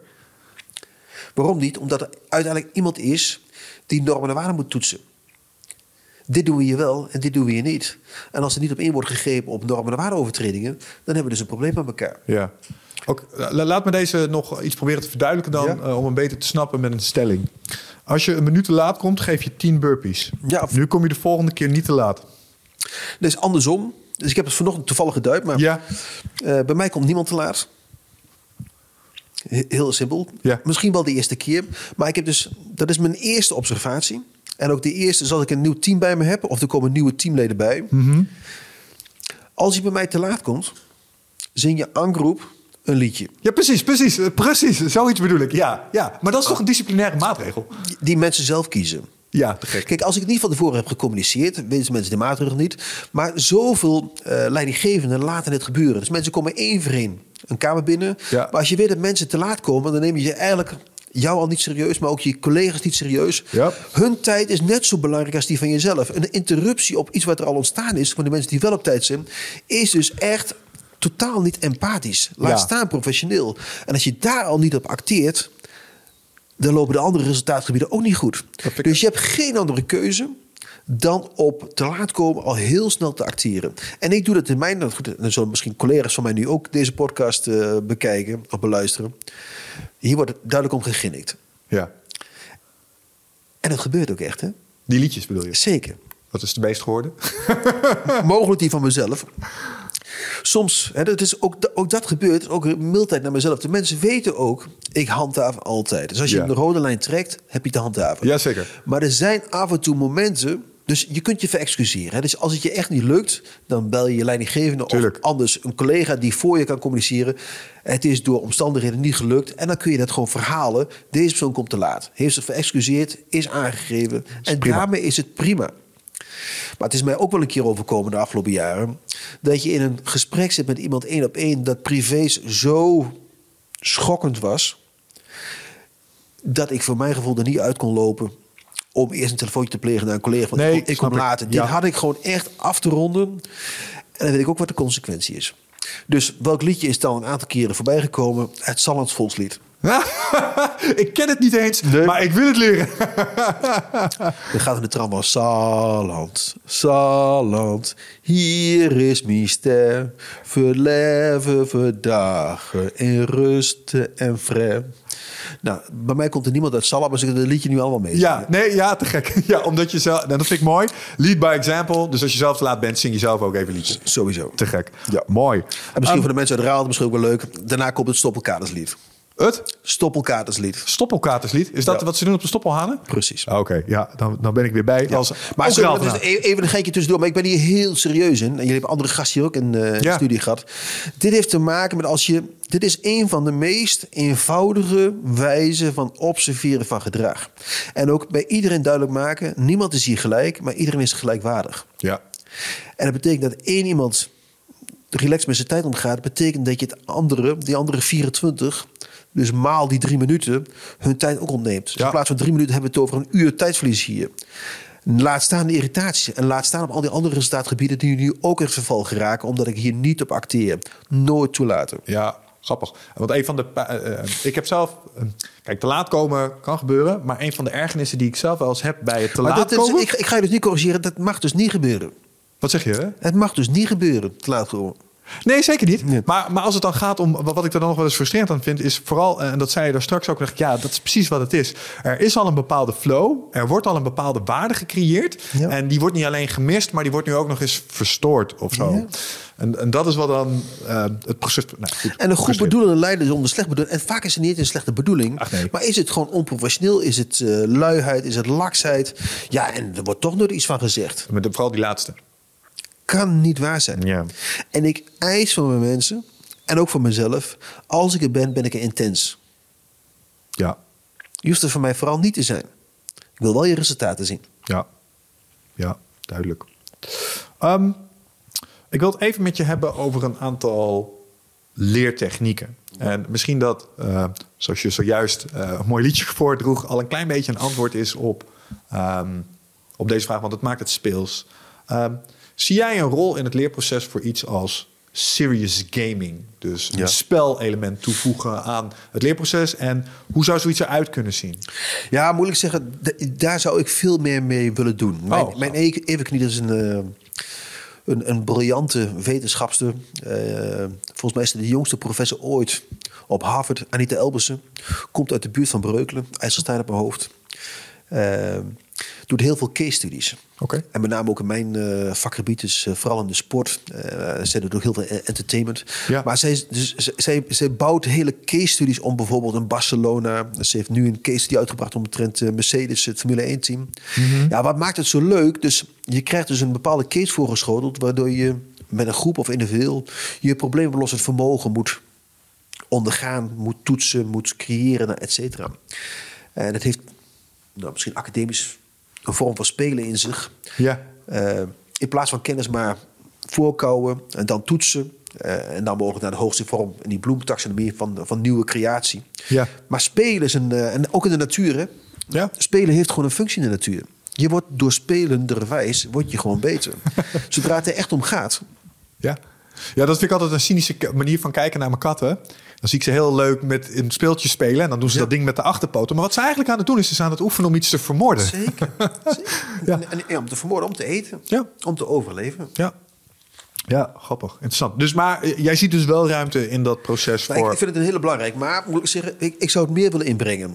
Dus hoe speel ik? Ik probeer te spelen met mijn, eh, met mijn deelnemers. Dus Ja. heel interactief. Eh, mensen vanaf het eerste moment mee te laten doen. Je zit op het puntje van je stoel, als het goed is. Zo Ja. niet, dan observeer ik dat. En dan betrek ik je erbij. Eh, ook dat is een vorm van spel. Dus ik, ik kijk met name heel erg naar cabaretiers. Ja. Oh, vertel. Nou, om goed te worden, dus wij zijn... Docenten zijn ook artiesten. Dus, dus de, de- het leren doseren is ook een vaardigheid. Ja. Eh, het, het spelen met timing, het, het spelen met, met stiltes... dat kun je van andere docenten leren, die oreren. Maar als je kijkt naar goede cabaretiers... dan zie je hoe ze spelen met timing... hoe ze spelen met ongemak, hoe ze spelen met, eh, met stiltes. Super interessant. Ja. Ik, met mijn voorbeelden zitten met name in de, eh, eh, mensen in de cabaret. Mm, nou, dat resoneert wel bij mij, omdat ik nog wel eens tegen mijn studentjes zeg: ja, ik ga weer even mijn verkapte cabaret-ambities ga ik op jullie bot vieren. Dus vergeef me alle foute grappen, maar, Ja. maar dit is mijn kans, dus eh, ik heb je nu, dus eh Ja, dat, maar, maar, maar vooral, dus, en dat is mijn suggestie, vooral niet verhalen. Hè, dus, eh stel, dan gaat met nervositeit. Hè, dus eh, zodra je begint met bijvoorbeeld een lezing of met een college, iedereen is nerveus. Ja. Maar vertel het gewoon vooral niet. Gewoon staan en laat die ruimte vallen. Iedereen in de zaal vindt het ook spannend. Maar als jij zeker in de eerste seconde een stilte durft laten te vallen, om daarna het, de regie te pakken, ziet iedereen, hij speelt ermee. ja. wil helemaal niet zeggen dat je er echt mee speelt, maar je bent er bewust van en je zet een vaardigheid in om het te laten gebeuren. Ja. En dat kun je gewoon leren. Door vooral te kijken naar andere disciplines. Ja. Ik kijk met name naar andere disciplines. Ja, vind ik interessant. Ja, en ik denk dat er. Waaronder de muziekindustrie. Dat vind ik ook een...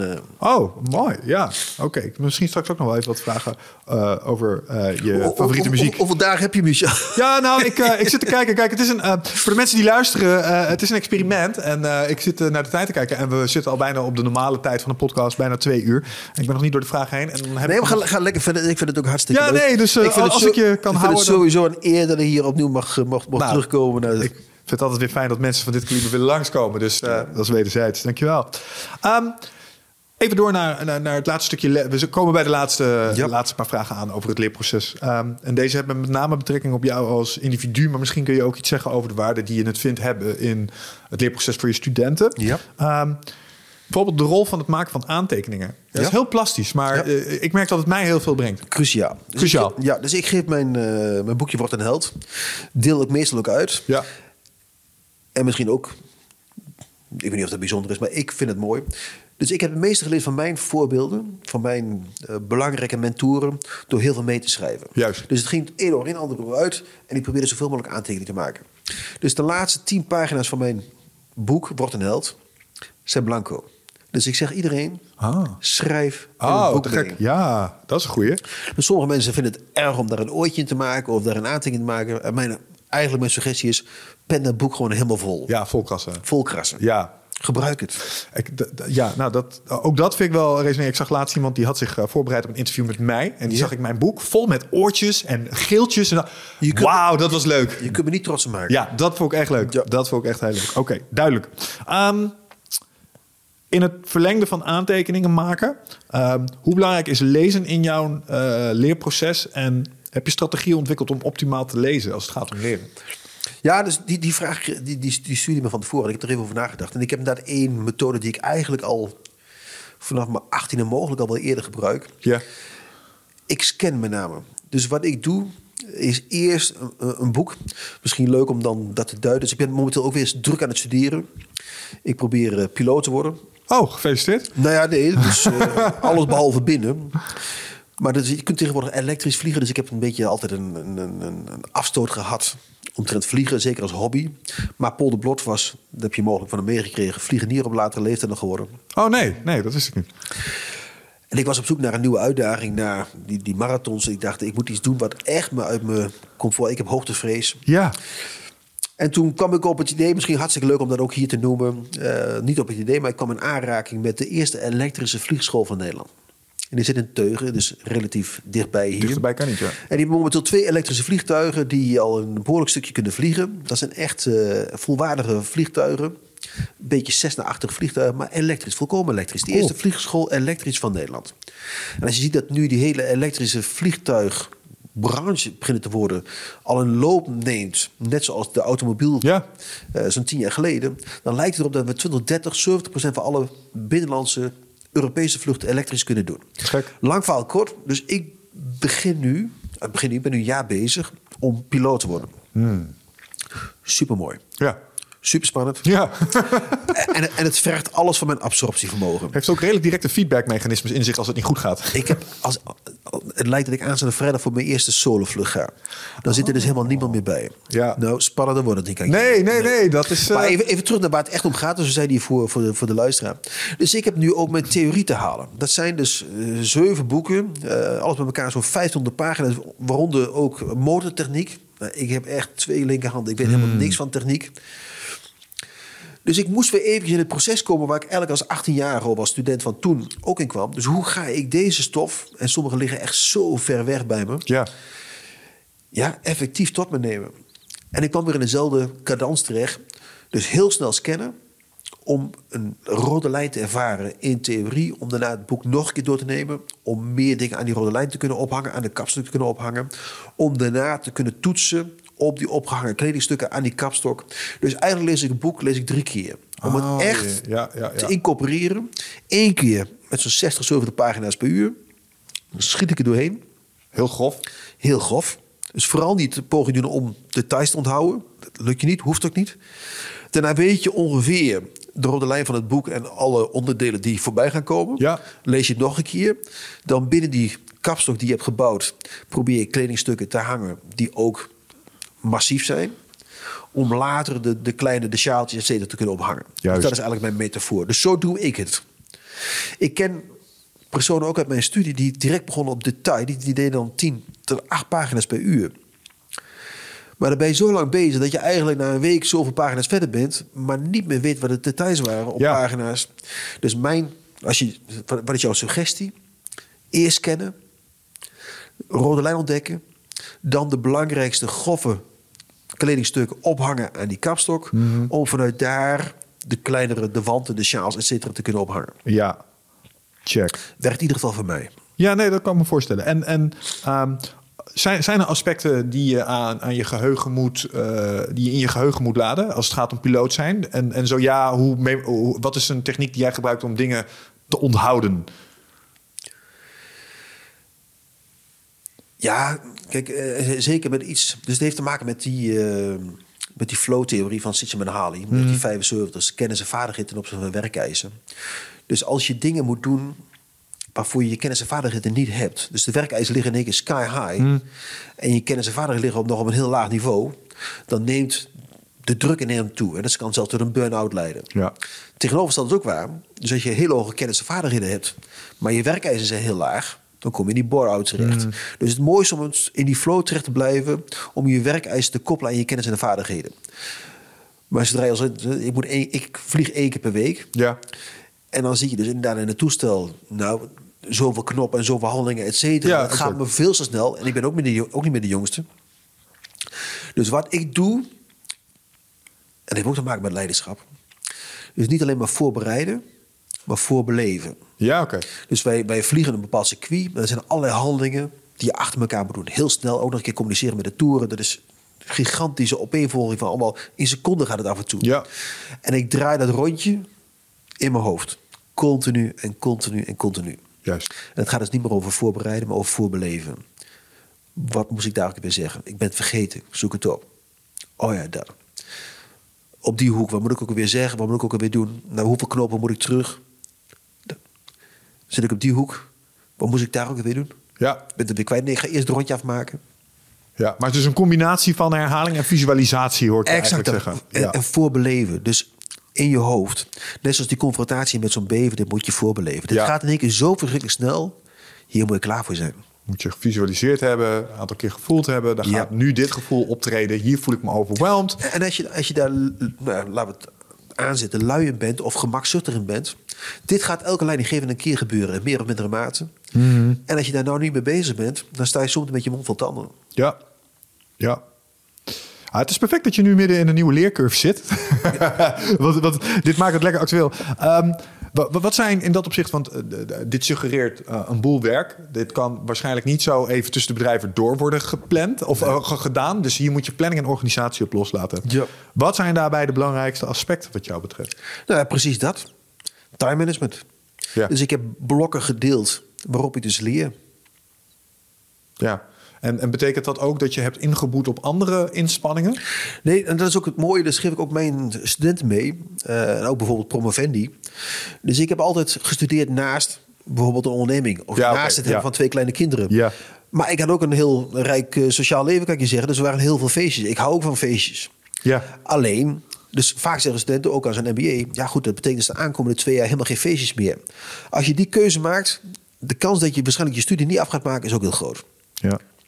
Alleen, je hebt time management te plegen. Dus dat betekent als je twee feestjes per weekend hebt... vrijdag en zaterdag... kun je naar een van de twee toe. Zo deed ik het. Dus als ik op vrijdagavond een feestje had... die leuker leek dan die van zaterdagavond... dan koos ik voor die van vrijdagavond. zei ik zaterdagavond af. En dat betekent ook dat ik de zaterdag niks deed aan studie. Want dan was het toch half of niet eens dat. Ja. Maar dat betekent ook dat ik zondagochtend om vijf uur, half zes aan mijn bed ging. En dan zat ik om zes uur achter mijn boeken. Trok ik hem door tot een uur of twee, drie 's middags. De zondagmiddag waren voor mijn kinderen en voor mijn vrouw. Ja. Dus dan had ik een feestje gehad op vrijdag. Een verlopen dag, of in ieder geval een rustige dag op de zaterdag. Op tijd mijn bed in op zaterdagavond. Zaterdag, zondagochtend vroeg uit. Mijn acht uur pakte op die zondag. Ja. Om de zondagmiddag te kunnen genieten, et cetera. Maar niks gaat gratis. Nee. Maar als je die balans ook kwijt bent, je draait alles omtrent eh, het moeten presteren, gaat het je niet lukken. Dus het draait om die ontspannen inspanning. Ja, ja, ja. ja. Ik, kon niet, ik kon er niet zonder mijn sociaal leven. Nee. En het hoeft ook helemaal niet. Maar is het dan nu ook niet zo dat als je dat, ehm, als je eh, zeg maar die inspanning zonder ontspanning, nu je dan weer extra l- load op je neemt, zeg maar, in het leren van het piloot worden, zorg je er dan voor dat je op andere plekken minder gaat doen? Meer gaan doen. En dat is het mooie. Ah. Dus ik leid mijn brein af. Dus stel dat ik alleen maar bezig zou zijn nu met het geven lezingen, het begeleiden van onderzoek, et cetera. Dan kom ik niet meer in ontspanning terecht. Ik word verbeterd, ik word compulsief. Dus ik heb een nieuwe ontspanning te zoeken Oh. om die inspanning ook op andere gebieden te kunnen leveren. De, aha, eh, wederom de paradox. Dus de inspanning wordt de ontspanning. Exact dat. Oké, mooi. Ja. Dus je hebt je brein af te leiden. We noemen dat het, het is de kunst van duurzaam presteren, boek. Het Zeigarnik-effect. Ja. Het nut van niet afgeronde taken. Het nut van... Dus bijvoorbeeld als je een hele spannende... Dus jij doet ook van die spannende lezingen.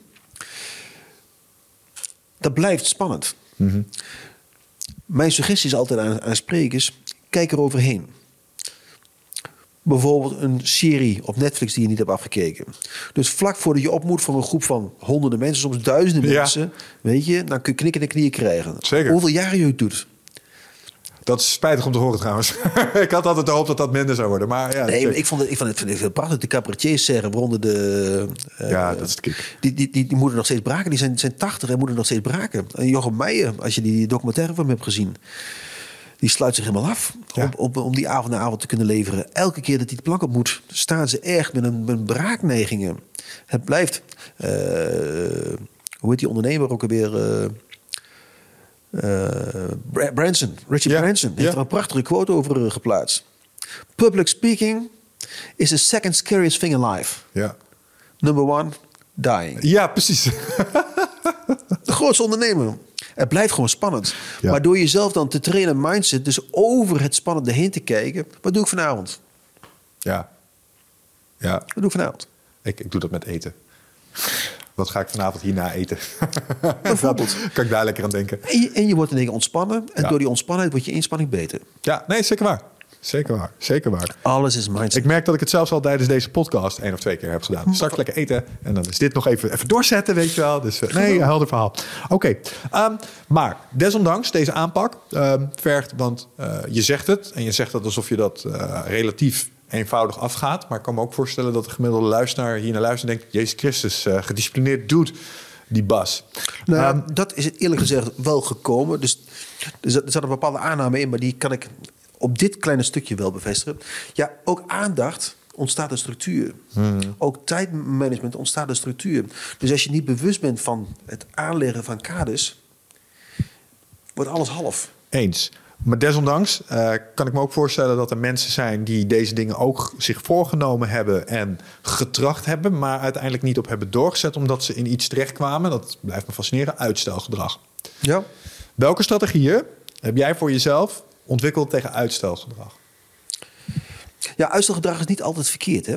Dus als de kwaliteit die wordt geleverd, een, een hele beroemde eh, professor eh daaromtrent, zijn naam even kwijt. Eh, procrastinatie, Ja. uitstelgedrag, heeft een functie. En die functie is? Kwaliteit leveren. Dus als de kwaliteit niet hoog genoeg is om maar te leveren om te leveren, om te scoren om te scoren, snij je jezelf in de vinger. Dus bijvoorbeeld boeken schrijven. Ik ben dus nu al een jaar of zeven bezig met een boek over rebellen. Ja, Nog steeds niet afgerond. ja, En ik ben van doelen. zeker. Het boek is nog niet goed genoeg. En zeker niet beter dan mijn laatste boek.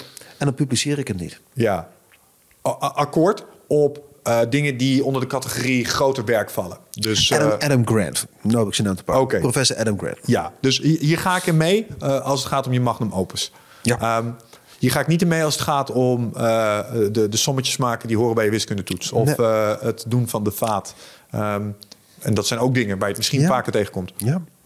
Dus de belangrijkste dingen, bijvoorbeeld voor mij vitaliteit. Dus heel simpel. Ik loop elke, elke maand 100 kilometer. Ja, En dan moet ik de eerste week mee beginnen. Anders red ik hem niet. nee. Ja, dus, eh, ik ben deze week, dat hebben de luisteraars misschien nu in de gaten, maar snotter en verkouden. Ja, Ja, dwars door verkouden heen lopen is heel slecht. ja. ja. Maar het betekent wel, dus ik hoop hem goed te doorstaan. En dat gaat hartstikke prima. Ik moet dat af en toe wel even doorzetten. Maar het betekent wel dat ik volgende week één of twee keer vaak moet lopen. Moet ik nu in mijn agenda vrij, vrije tijd voor inruimen. Ja. Anders haal ik hem niet. Ja. Haal ik de 100 kilometer niet, heb ik een probleem met mezelf. Ja. En dat probleem met jezelf hebben, zat dat altijd al in je? Of Nee. is dat iets wat je over de loop der tijd hebt ontwikkeld? En zo ja, hoe? Ja, nou, dit is een kwestie weer van bewustwording. Ja. Wat is belangrijk voor mij? Wat is belangrijk voor mijn vak? En wat is voor mij belangrijk als persoon? Dus moet ik met een wasbotje eh, boven mijn vijftigste rondlopen? Alles behalve. Hmm. Dat, dat, is, dat is helemaal de strekking niet. Maar ik wil wel vitaal blijven. Ja, oké. En dus ik wil, hè, dus we hebben allemaal beperkte tijd, maar ik wil die tijd wel zo lang mogelijk rekken op de best mogelijke wijze. En dat betekent dat ik inspanning moet leveren. Ja. En als die inspanning niet kan structureren, dan is het waarschijnlijk nu de gedachte, nou dan laat ik het vandaag maar zitten. En misschien komt het morgen wel. En morgen is er ook weer weer anders. En dan gebeurt het dus gewoon niet. Hetzelfde geldt voor mijn uh, aanreiking op dinsdagmiddag voor een kop koffie te komen. Als ik zeg, nou goed, ik sta open voor een kop koffie. Dan krijg ik de hele dag verzoek om in welke dag van de week ook een kop koffie te doen. En dan zeg ik, nou vrijdagmiddag past het me niet. Maar je hebt het toch aangereikt. Ja, ja, exact, exact. Dan ben ik mijn agenda kwijt. Dus alles ontstaat een structuur. Maar als je structuur hebt gevonden, kun je ruimte bieden. En kun je ruimte ervaren. Dus zo doe ik dat. Bewust worden van het. Dus ik ben ook een chaot. Maar ik kan dus chaotisch zijn door structuur aan te brengen. Wederom de paradox: structuur geeft vrijheid. Structuur geeft ruimte. Ja. Ja. Interessant. Um, nog een aantal over het leren. En dan wil ik graag het, uh, uh, het sprongetje richting het uh, rebelleren en nonconformiteit nog even met je maken. Ja.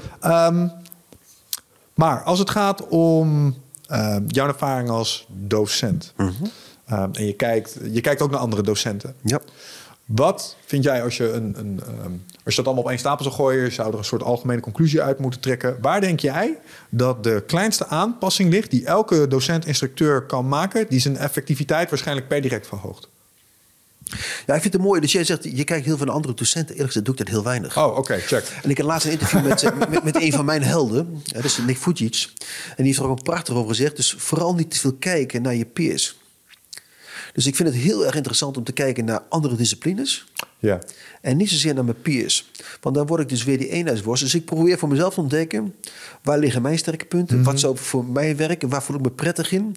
Waar kan ik op mijn manier bepaalde stof overbrengen? En dat krijg je teruggekoppeld in de evaluaties. Maar je ziet het ook aan de zaal, je ziet het in de ogen. spreken. dus ik ben helemaal gek van bedrijfskunde. Is het belangrijk om kennis op te doen vanuit allerlei vakgebieden. Maar ik kijk niet zozeer naar docentvaardigheden van anderen. Okay. Eerlijk gezegd, het is dat je me er nou op zet. Ja. Anders had ik gezegd, dat doe ik helemaal niet. Interessant. Ik doe in ieder geval heel weinig. Ja, ja. Oké.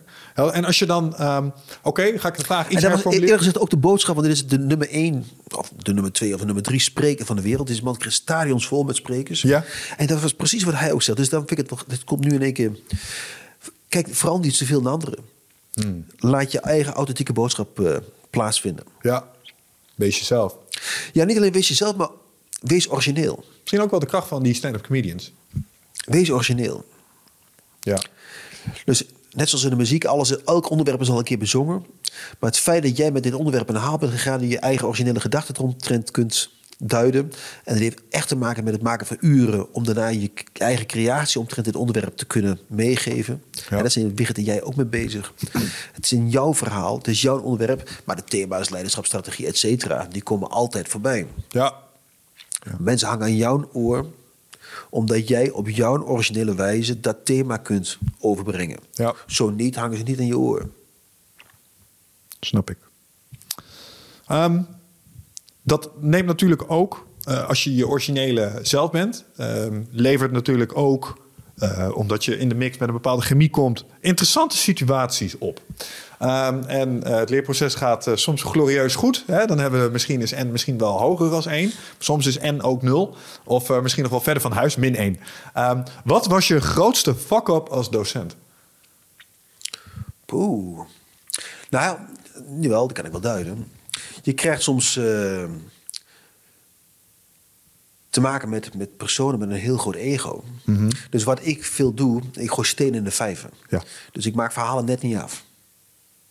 Dus ik laat een bommetje ontploffen, die ik pas later in het verhaal weer oppik. Dus ik laat stenen in de vijver vallen, ja. ik laat ik uitrimpelen, maar ik wacht eventjes tot ze de kant bewaren. En dan zie je op een gegeven moment mensen in de groep omhoog springen. Die zeggen, ik ben het er niet mee eens. Ja, ja. Ik ben het er totaal niet mee eens. De clue moet nog komen, maar ze kunnen zichzelf wel niet meer inhouden. ja, ja. Nou, dat is de, de, de mooiste fuck-up. Misschien wel leuk. Uh, ik ga ook geen namen noemen van organisaties. Maar er was een grote partij. Die had in ons uh, auditorium een aantal jaren geleden... de hele zaal vol. Er kunnen er rond de 250 in.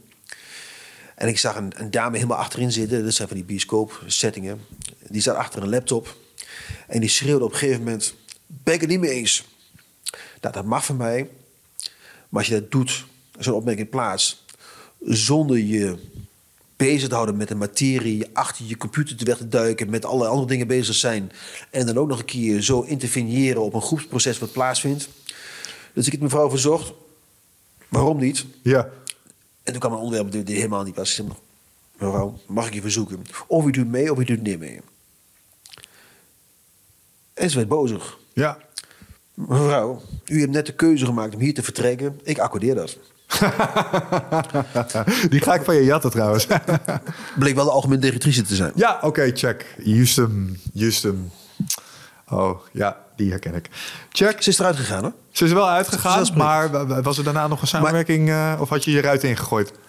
Wat mij betreft juist niet. Dus ik heb mijn punt gemaakt. Ja. En is ongeacht wie het is, ook al is degene die de factuur betaalt. Ja. Nee, duidelijk verhaal. En, en, en ik, ik deel dat aan de ene kant ook. Maar in het moment zelf, met dat je erachter komt, ook wel even een uh-oh. Als je niet handhaaft, ben je regie kwijt. Ja. Dus er zitten 249 andere mensen in de zaal die wel in je oren luisteren, die wel intens betrokken zijn bij het onderwerp, die allemaal bezig zijn met lerend vermogen. Ja. Die dus door een ego-gedreven algemeen directrice, in dit geval was een directrice, ja, de oren laten wassen. En dat kan bij mij nooit. En dat heeft weer te maken met die veiligheid. Ja, en aan de andere kant kan het je in die context ook wel degelijk weer pluspunten opleveren bij de andere 249 mensen die er zaten. Dat is precies mijn punt. Nee, helder verhaal. Ehm, in dat kader, iets waar je dat straks ook al zei, eh, wat ik erg belangrijk vind en leuk vind om te horen, is namelijk het belang van humor en altijd Ja. blijven lachen. Ehm, wat is wat jou betreft eh, het belang van eh, en de rol van humor in het leerproces? Ja, zodra het luchtig wordt, dan weer die ontspannen inspanning, dan wordt het veel makkelijker om te doen. Dus eh, ik, ik, ik duid mezelf niet een, een, een surplus aan humor, moet ik eerlijk zeggen. Dus ik, ik houd enorm van humor. Ik verzamel mensen om me heen, zeker privé, met heel veel humor. Ja. Eh, zodra ik dan de rol van voorzitter kan geven, aangeven kan zijn om de ander eh, volledig in zijn rol te zetten. Dus ik hou ontzettend van humor. Ik had, ik had gehoopt dat ik er nog veel meer van zou hebben. Dus dat is ook een duiding. Maar humor is inderdaad heel belangrijk om die ontspanning erin te gooien. Ja. Ja, en ik heb altijd. Moet, moet leren vermogen altijd humoristisch zijn? Alles behalve. Nee. Nee, ik denk dat het vooral als een, als een docent belangrijk is om. om humor is een instrument om rapport te genereren met je, Ja. met je publiek. Het heeft weer te maken met die spanning en die ontspannen. En die, dus je, je creëert druk en je moet ook af en toe druk laten ontsnappen om weer druk te kunnen toevoegen. Ja. En die druk ons, laten ontsnappen is uiterst belangrijk. Presteren, herstellen, verbeteren. Ja. Humor is prachtig om te herstellen. Ehm, Bas, dankjewel voor het eerste stuk eh, over, ehm, eh, over het stuk leren. Ehm, maar je hebt een eh, aantal dingen waar je de laatste tijd jezelf ook meer in verdiept. Je gaf al aan, je bent bezig al zeven jaar met een boek over rebellie, non-conformisme. En je bent laatst, eh, dat had je het straks ook al even over, 12 november 2021 accepteerde je je leerstoel Leiderschaps- en Managementontwikkeling aan de Nijrode Business University. En tijdens je inaugurele reden, Out of Control, persoonlijke groei is voorwaarde voor effectief leiderschap, pleit je voor non-conformiteit en rebellie. En ik heb jouw, eh, eh, hoe heet dat, Eh, voordracht, eh, jouw reden heb ik bekeken en op basis daarvan heb ik nog een aantal vragen voor jou. Ehm, Dus het zit wel een nuance aan. Hè? Dus, Vertel. Dus, ja. dus conform- non-conformisme is niet altijd de oplossing. nee, oké, maar... dus dat accent nu alvast... Goede nuance, Ja. zeker. Want het kan er zeker ook tegen je werken. En Exact. daar wil ik straks ook nog wat vragen Ja. over stellen. Maar eh, ik kom duidelijk niet uit de academische wereld. Want het eerste wat mij in oog opviel... is dat ehm, er blijkbaar iets bestaat als een rectus magnificus. Wat is het en hoe word je er een? Ja, dat is de hoogste baas van de universiteit. Is dat wat dat is? Ja. Dat is de Dumbledore. Dat is de algemeen directeur of directrice. Ja. Ja. we noemen dat in, eh, in de academie een rector magnificus. Ja, ik zag hem in je aanhef staan volgens mij, geacht. hè? Ja, ja, dat is zeker. Dus we hebben eerst eh, de rector magnificus te adresseren voordat wij komen bij het college van bestuur, nou, et cetera. Ja, ja, ja, ja, ja. Dus eh, als je een beetje, als je niet in die wereld zit, vallen val zulke dingen Ja, en termen op. Het is een heel strak protocol. Ja. Ehm alright, sowieso eerst even over het stukje le- leerstoel. Ehm, wat, wat is een leerstoel? Een leerstoel is eigenlijk een onderzoeksgebied die eh, wordt gegund eh, door je organisatie, door de universiteit. Maar eigenlijk wordt gegund door je vakbroeders. Ja. Dus je wordt nooit aangesteld door de universiteit alleen. Dat zijn ook de mensen, hè, dat is een, eh, een bakcommissie zoals we dat noemen. Ja. Benoemingscommissie die ook bestaat met name uit vakgenoten, uit andere, van afkomsten van andere universiteiten. Die aangeven op basis van je achtergrond, je studies, je publicaties. Dit is een vakgenoot en die gunnen wij een leerstoel. En een leerstoel is eigenlijk een onderzoeksgebied. Ja. Dus op dat onderzoeksgebied doe je je onderzoeken, begeleid je promovendi, studenten, et cetera. Duidelijk. Alright.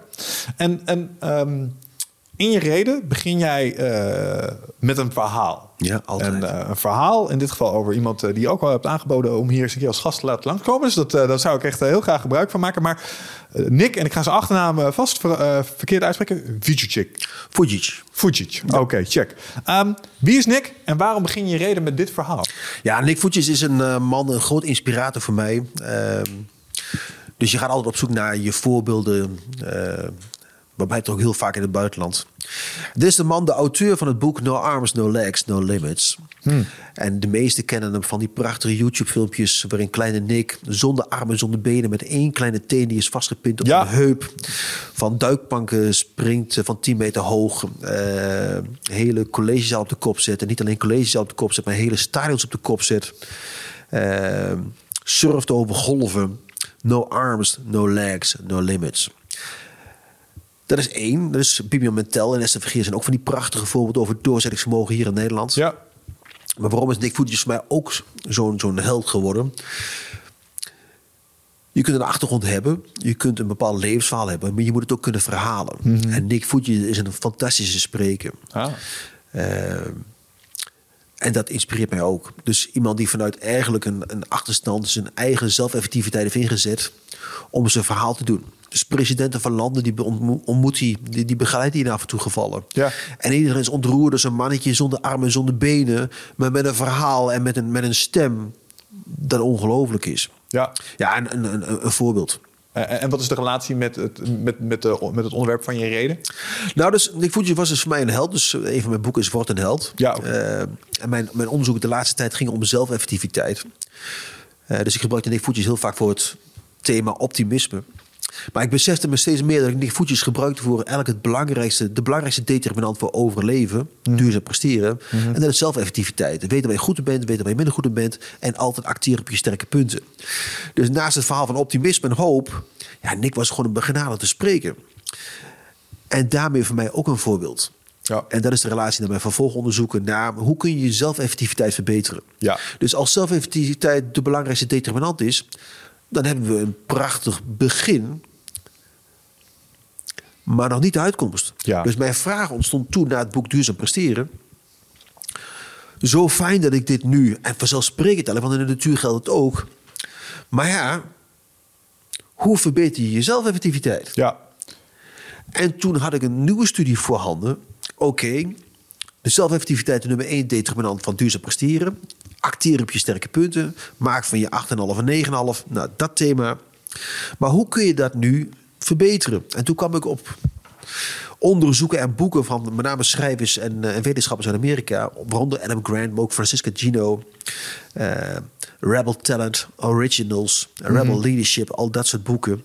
Die aangeven, ja, je moet dus eigenlijk origineel en non-conformistisch durven en uh, doen en denken. En dat zou mogelijk je zelfeffectiviteit kunnen verbeteren. Dus ik kreeg een nieuw conceptueel model te pakken. Dus hoe kunnen originaliteit en non-conformisme zelfeffectiviteit verbeteren? Op haar beurt duurzaam presteren verbeteren. Ja. Dus dat was mijn onderzoek van de afgelopen jaren. Hoe kan rebellie zelfeffectiviteit doen verbeteren? Ja, want uh, wat is het probleem van te weinig zelfeffectiviteit? Dan word je dus in een keurslijf gedrongen. Dus dan conformeer je eigenlijk aan het beginsel een zesje is voldoende. Ja. Je, je, je omarmt eigenlijk eh, bureaucratie. Je laat je meevoeren. Uh, burn-out komt omhoog. Welzijn vermindert. Uh, prestaties worden minder. Je dendert maar door als een pion op het schaakbord van iemand anders. Ja. Gadverdamme. Ja, dat klinkt als onprettig. Ja, en, en, we zitten in die tijd dat we over worden gecontroleerd, over worden gereguleerd. We zitten steeds meer in een systeem van bureaucratie. Ja. En dat is verschrikkelijk. Maar we hebben er wel mee te maken. Dus het verdwijnt niet op, op morgen. Dus wat kan ik als individu of als leidinggevende eraan veranderen... dat binnen het systeem van bureaucratie... we toch die zelfeffectiviteit kunnen verbeteren. Ja. En is één. En, waar ligt jouw belangrijkste waarde in de context van dat probleem? belangrijkste waarde is blijven presteren. Dus continuïteit. Dus als ik omval door middel van een burn-out... of als mijn organisatie te weinig leven ten opzichte van concurrenten... gaan we ons erboven. Mm En zelfeffectiviteit is de belangrijkste aanjager van die prestaties en van het welzijn. Alleen we worden gedwongen om in die vicieuze cirkel mee te draaien Ja. en steeds minder zelfeffectief te zijn. Worden ingezet als gelijke van een andere. Alleen maar worden afgerekend op kwantitatieve output. Dus wij doen allebei dezelfde functie. Ja. Wij hebben compleet andere achtergronden, compleet andere talenten, compleet andere competenties en vaardigheden. Het enige wat gelijk aan ons is, we hebben de gelijke functie. Maar als jij op jouw sterke punten dezelfde functie mag uitoefenen, ik mag dat ook, gaan we allebei beter presteren. Alleen moet jij de ruimte ervaren om jouw sterke punten, jouw ervaring, jouw competentie te mogen inzetten. En ik ook. Dan kunnen we de gelijke functie anders invullen. Ja, wat je eigenlijk zegt is er zijn meerdere wegen die naar Rome leiden. Simpelweg terug naar de voetbal. Wij zijn allebei voetballers. Ja, Alleen jij staat in de spits en ik ben mid-mid. juist. Allebei voetballers. Maar we zijn allebei aan het voetballen en we proberen allebei punten te scoren. Exact dat. Eh, Ja, duidelijk verhaal. Ehm, en ehm, eh, sowieso even terug naar, naar de basis. Hè? Want ik kan me voorstellen dat ehm, zelfeffectiviteit eh, allerlei associaties bij mensen oproept. Ja. Maar toen ik naar de definitie keek, dacht ik, oh, oké, dit is wat je ermee bedoelt. Ja. Ehm, wat is het precies? Zelfeffectiviteit is gecreëerd door eh, eh, Albert Bandura, 1997, de self-efficacy theorie. Het vertrouwen hebben in je sterke punten, daar draait het eigenlijk om. Dus op zoek gaan naar je sterke punten, daarop durven vertrouwen, daarop leren acteren en je eigenlijk laten inzetten op je sterke punten. Dus het vertrouwen hebben in je kerncompetenties om dingen te kunnen, eh, om taken te kunnen invullen en te kunnen vervullen. Eenheidsworst, vermijdend. Ja, dus Ik uitgaan, uitgaande van een bepaalde configuratie van iemand en, en daarop inzetten in plaats van hem als een zo'n speeltje van vroeger waar je die driehoekjes door driehoekjes heen moet Ja. bouwen, een cirkeltje door een Ja. driehoekje heen En daarom is prachtig bijvoorbeeld ook een club als Ajax, die nu heel erg leunt op de persoonlijke groei. Dus het is helemaal niet belangrijk om onder eh, Ajax onder 14 kampioen te worden van Nederland. Het enige wat belangrijk is, is dat die spelers, de jongens onder 14, allemaal groeien tot het niveau dat ze om dit eerste kunnen gaan halen. Dat is interessant voor ze. Ja, Hoe doe je dat? Door vooral mensen te laten ontwikkelen op hun sterke punten. Dus stel je hebt een fantastisch linkerbeen. Ja, vanzelfsprekend moet je met recht leren schieten. Ja. Maar hoe kun je van jouw linkerbeen het beste linkerbeen van Europa maken? ja, ja. ja. ja. En wat is, wat is de oorsprong van je ideeën en overtuigingen hierover? Nou, dus, eh, dus de, de bevlogenheidstheorie. Ja. Dus Dus bevlogenheid wakker je aan door middel van twee groepen energiebronnen. Eentje is de verantwoordelijkheid van de werkgever of de leidinggevende, autonomie, sociale steun, Ja. coaching, feedback. En de andere is ook de verantwoordelijkheid van jezelf. En dan zijn vier persoonlijke energiebronnen cruciaal voor vandaag de dag: optimisme, Ja. eigenwaarde, stressbestendigheid en zelfeffectiviteit. En toen ik dat begrip zelfeffectiviteit tegenkwam, dacht ik, ja, nou oké, prima. Dus ik had een onderzoek gedaan, duurzaam presteren, naar Ja. 21 determinanten van duurzaam presteren. Dus wat is de belangrijkste? Zelfeffectiviteit kwam bij far op nummer 1. Verklaarde 27% van alle variantie. En toen wist ik, ik moet hier iets mee. Terug naar de natuur, vanzelfsprekend. En die andere drie die je zojuist benoemde, die waren minder doorslaggevend daarin? Minder, ja, dus de nummer twee was aanpassingsvermogen. Oh, de nummer drie was eh, eh, intrinsieke motivatie. Ja. En de fit met eh, mentale taakeisen. Dus die zelfeffectiviteit was cruciaal. Dus leidinggevenden die hun medewerkers beoordeelden op duurzaam presteren van de afgelopen tijd... beschouwden mensen die duurzaam hadden gepresteerd... allemaal zelf effectiever in dan hun countercollega's of hun collega's die optimistischer waren of eigenwaarde kenden of ambitieus waren. Dus weten hoe je je zelfeffectiviteit kunt inzetten voor de organisatie. Maar ook zelfeffectiviteit kent elementen. En het mooiste uit mijn onderzoeken naar die rebe- rebellen kwam dus niet zozeer voort. Het is eigenlijk de opbrengst lag niet zozeer in dat non-conformisme, wat af en toe noodzakelijk is. Ja. Af en toe, niet altijd. Maar eigenlijk op een element van die zelfeffectiviteit, en dat is het probleemoplossend vermogen. Dat maakt cruciaal verschil. Ja. En het komt prachtig voor, hè, terug in de suggesties van bijvoorbeeld Wo- World Economic Forum, de skills for the future. Nummer één, probleemlossen vermogen. Ja. Wat doen wij in ons onderwijs? Het probleemlosse vermogen wordt steeds kleiner gemaakt. Ja. Informatie is gewoon verkrijgbaar overal. Ja. Waarom is dit trouwens een key eh, skill van de 21ste eeuw, denk je? Nou, ik denk dat we steeds meer vanwege het feit dat heel veel dingen gerobotiseerd worden en geautomatiseerd worden, maar de dingen veranderen zo snel Ja. dat we die vasthoudendheid nodig hebben als A niet lukt voor onze klanten of voor onze organisatie, naar B moeten gaan zoeken, naar C. Dus of je nou een controle bent, een advocaat of een accountant, je cliënten willen een oplossing. En niet een voorgeprogrammeerd standaard werkje wat ook op internet te vinden is. Nee, los mijn probleem op. Ja. En wat heb je daarvoor nodig? probleemlosse vermogen een van de elementen van zelfeffectiviteit. Ja, oké. Daar, daar wil ik zo even iets meer over vragen. Eh, ik wil eerst even terug naar het stukje zelfactiviteit. Hè? Ehm, dus ehm, als eh, je, je benoemt zelfactiviteit als een soort energiebron voor bevlogenheid. Persoonlijke energiebron. Ja, d- dus en laten we zo nog even kijken naar het concept bevlogenheid. Ehm, maar waarom heeft je relatie tot zelfeffectiviteit een effect op je beschikbare energie? Met andere woorden, welke psychologische en biologische mechanismen liggen eraan ten grondslag? Ja, mooie, mooie vraag. Hele mooie vraag. Dus ehm, die vraag heb ik mezelf vanzelfsprekend ook in Ja, bepaalde ja, ja, vorm zo gesteld. En ik leg hem als volgt uit. Zodra ik de ruimte krijg, en denk ook aan die scholieren 14, Mhm. 15 jaar, om mijn sterke punten te mogen ontwikkelen. Dus ik ben ergens al goed in. En ik word ook nog een keer uitgedaagd om op die sterke punten nog beter te worden. Ja. Ik krijg daar weer waardering voor, ik krijg daar applaus voor, ik word gezien. Iedereen ziet dat ik iets kan. Dat doet dus iets met mijn bevlogenheid. Ja, Dus ik krijg de kans om het te uiten. Ik krijg de kans om mijn talenten te laten zien. Want talenten helder maken is mijn purpose. Dus zodra mensen hun zelfeffectiviteit kunnen inzien, iedereen heeft talenten. Maar als je zelfeffectiviteit niet gebruikt om je talenten tot was om te laten komen, ben je dus. er zit dus iets verslavends in beter worden in iets. Dat, dat geeft ons energie. Het feit dat we onszelf een voortgang zien boeken in iets... zorgt ervoor Nou. dat we daar meer van willen of zo. En dat is wat, dat, wat die bevlogenheid dan weer aanwakkert. Ja, kijk, simpelweg, iedereen is uniek. ja, i- net als de rest. En net als de rest. Nou, en dat is een, ik had hem, maar je wilt ook als uniek gezien worden. ja. En zeker ook op je vaardigheden. Dus wat kan ik net iets beter of net iets minder? Maar het is niet alleen maar gezien worden. Je moet er ook op zien te overleven. Ja. Dus een stekelvarken heeft stekels. Waarom? Omdat hij daarop overleeft. Hedgehog Ja. principe hè, van Covey. Rolt zich op, niemand komt er meer bij. Hoe groot ook, komt er niet bij. Waarom is een luipaard lui? Omdat hij in de 10 seconden dat hij moet sprinten, Ja. moet hij sprinten. Ja. Zo heeft elk dier in de natuur zelfeffectiviteit omarmd. Anders had hij niet overleefd. Wat doen wij hier als mensensoort? We maken van iedereen een zesje. Super gevaarlijk. Ja. Ja. Daar nog even over door. En dat lijkt me geen. ehm, een zesje zijn is. eh, geeft geen voldoening. Eh, en, en zal je onder de streep ehm, een meh resultaat laten boeken. Ja. En eh, als ik kijk naar hoe jij bevlogenheid definieert, zeg je be- bevlogenheid is een positieve, eh, deftige, affectief-cognitieve toestand van eh, opperste voldoening. Mooi. Prachtig. Ja. Gekenmerkt door, die is ook belangrijk, Ehm, ik denk dat ik dat stukje dan achterwege heb gelaten. door drie elementen. Die ga ik hem toevoegen. Ja? Vitaliteit, toewijding, absorptievermogen. Oké, check.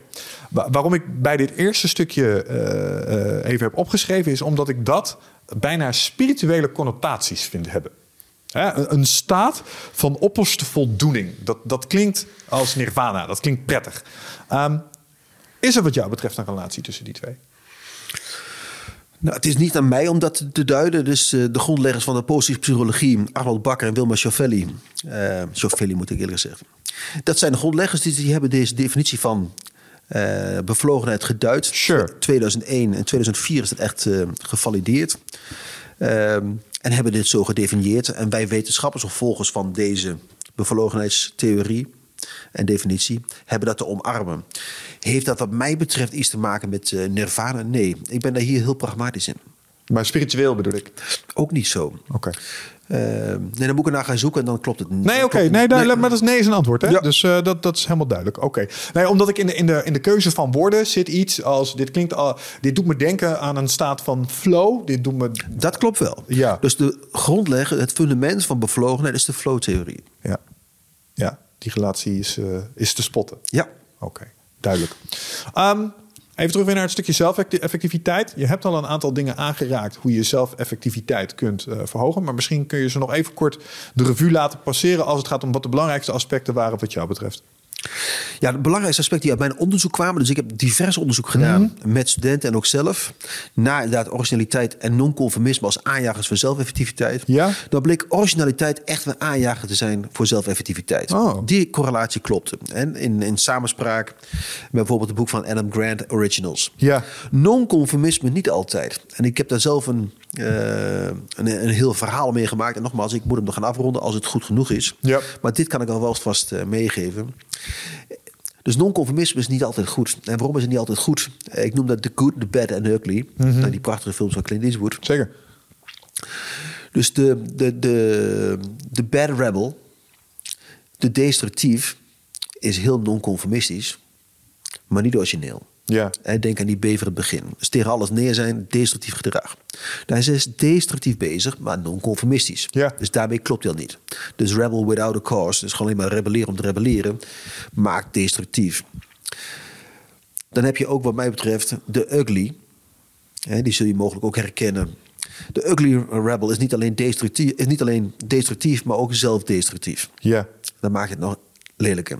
Dus dan hebben we nog de good rebel over. Dus de mensen die con- non-conformistisch durven zijn wanneer het nodig is. Dus er zijn momenten dat al die regeldruk maar regels zijn zonder we eigenlijk beseffen wat helpt dit het doel op Ja, hoge ja, doel. ja, ja. En dan durven de non-conformisten op te staan, net zoals die Limburgse huisartsen. We gaan het gewoon doen. Ja. Wat is ons doel? Mensen beter maken. En niet om die dingen in de prullenbak te gooien, omdat GGD in Den Haag zegt: we mogen het niet doen. Mhm. Nee, kom langs, we zetten die spuit. Ja. Of Kuipers, eh, toen de tijd. We beginnen gewoon maandag. We zijn er nog niet klaar voor. Wij huisartsen beginnen gewoon maandag Mhm. met vaccineren. Dat zijn van die uitingen van non-conformisme with a cause. De good rebels. Ja, en dan kom ik toch terug op mijn concept. En dat is dan het vierde figuurtje in het plaatje. The good, the bad and the ugly. En dat is de held. Die niet alleen een good rebel is. Maar die ook zijn probleemlossend vermogen inzet om te gaan doen. Ja. Ja. Dus dat is voor mij het, eigenlijk de versimplificatie van onderzoeken naar non-conformisme. Ja, non-conformisme is belangrijk voor je eigen welzijn. Non-conformisme kan belangrijk zijn voor je eigen zelfeffectiviteit. Dus zodra je in een systeem terechtkomt waar alles door middel van regeldruk is vastgetimmerd, waar je eigenlijk als een pion zit, wees ervan je bewust. Je kunt je non-conformistisch gedragen in meer of mindere mate door je zelfeffectiviteit net te kunnen verbeteren en je welzijn te verbeteren. Dat kwam uit mijn onderzoek naar die leerkrachten. Maar het moet wel constructief zijn. Anders kom je in de problemen. Anders gezegd, bezint eer begint. Dus de, met de meeste rebellen loopt het verkeerd af. Ja, ja, ja, ja, omdat ze uit een overenthousiasme overreachen en dus En zichzelf voor- in de voet schieten. En voor iets gaan waarvan ze achteraf de consequenties niet inzien. Dus ik hou heel erg van moed. Ik hou echt van rebelleren. Mhm. Maar dan wel met een goed doel. Niet om maar te rebelleren om te rebelleren. Ja, want wat is de prijs van conformisme, wat jou betreft? Eh, simpelweg een, eh, een toegang aan welzijn. Burn-out gevoelens, depressiviteit, eh er niet toe doen, eh, als pion worden gevoeld. En eigenlijk helemaal terug naar een prachtig onderzoek uit Australië. Heb je waarschijnlijk wel eens, misschien wel hier ook, langs Ja. komen. Over die zusters die eh, bij, de, bij de sterfbedden staan van mensen die... die Zeker. ja, Ja. Waar, waar heb je spijt van? Dat ik niet de moed heb gehad om met mijn talent iets te doen. Ja. Ja, omdat Durf ik op. mijn kop niet boven het maisveld durfde uit te steken. Ja. En nu is de tijd op. Ja. En dat zijn de Alleen maar geconformeerd aan groepsdruk, gecon- geconformeerd aan wat Ja. zou, zou moeten. Dus, dus daar alleen al vindt non-conformisme zijn waarde. Ja. Eh, in, in, klinkt een beetje breed, maar tijdsoptimalisatie alleen al. Ehm, maar wat, eh, en, en de keerzijde is natuurlijk non-conformisme rebellie. Maar daar, daar kleeft natuurlijk ook een prijs aan. Zeker. Wat is die prijs? eh, wat, laten we beginnen bij het begin. Wat is de prijs van non-conformisme? Ja, ik denk aan Pieter Omzicht. Die wordt gewoon uitgedonderd. Oh zo, eh, Ja. uitbanning. Uitbanning. Dus heel veel leidinggevenden zeggen... We, we, we houden van, van, van, van tegenspraak. We houden van, van mensen met een eigen mening. Want dat maakt ons allemaal beter. Maar wat zie je in, in, in, in- op C-level? eh, wat, zie je in bestuurskamers? Allemaal vergelijkbare personen. Die allemaal, de, de mensen die de vergelijkbare ideeën erop nahouden... eh, in, in, in- inviteren. En je krijgt ja-knikkers. En zodra dan een tegengeluid komt... wat eigenlijk de besluitvorming beter maakt... dan zie je dat mensen worden verwijderd... omdat het niet past en ongemakkelijk is. Ja. Dus ik hou enorm van rebel leadership. Dus leidinggevenden die in staat zijn om een vrevel of een irritatie onder controle te houden door te beseffen. Ja, inderdaad, nou wordt een besluitvorming net iets moeilijker, maar ik moet er wel beter over nadenken. En deze tegenspraak kan mij doen beslissen om hetzelfde te beslissen, maar wel beter onderbouwd en beter overdacht. Ja. En die ja-knikkers zijn mijn grootste probleem. Ja. Het draait meer om leiderschap, wat mij betreft, dan om profes- professionele competentie. Ik hou van rebel leaders. ik denk dat hier een relatie zit tussen een, uh, uh, een mooie loop, um, waar ik een vraag over heb. Namelijk uh, de turbulentie, angst, controls, bevlogenheid, resultaten. Loop. Ja. Hoe verhoudt hij zich tot de stelling die je zojuist... Uh... Nou, die zit dus op, die, op, die, op de enige correlatie die we kunnen beïnvloeden. Dus we zijn gezond, we hebben onze angsten. Mm -hmm. Maar omdat we angstig zijn, hebben we meer behoefte aan controle. En daar zit die paradox in. Door, door meer te gaan controleren krijg je minder bevlogenheid. Minder bevlogenheid, minder werkmotivatie, minder resultaten. Ja. Nog meer turbulentie, nog meer angsten, nog meer behoefte aan controle. Dus door leren los te laten. We zijn angstig, maar ik leer los te laten. Ja, ja in, je, in je reden noem je dat een intolerantie op een lack of control. Ja. En dat zorgt voor een situatie waarin we out of control zijn. En exact. dan zijn we weer terug bij de paradox. Heb ik dat zo mooi opgeschreven? Dat, dat, zo heb ik het in ieder geval vertaald. maar dit is wel de, de gist van wat er stond. Ja, zeker. Ja, Kun je daar nog iets meer over vertellen?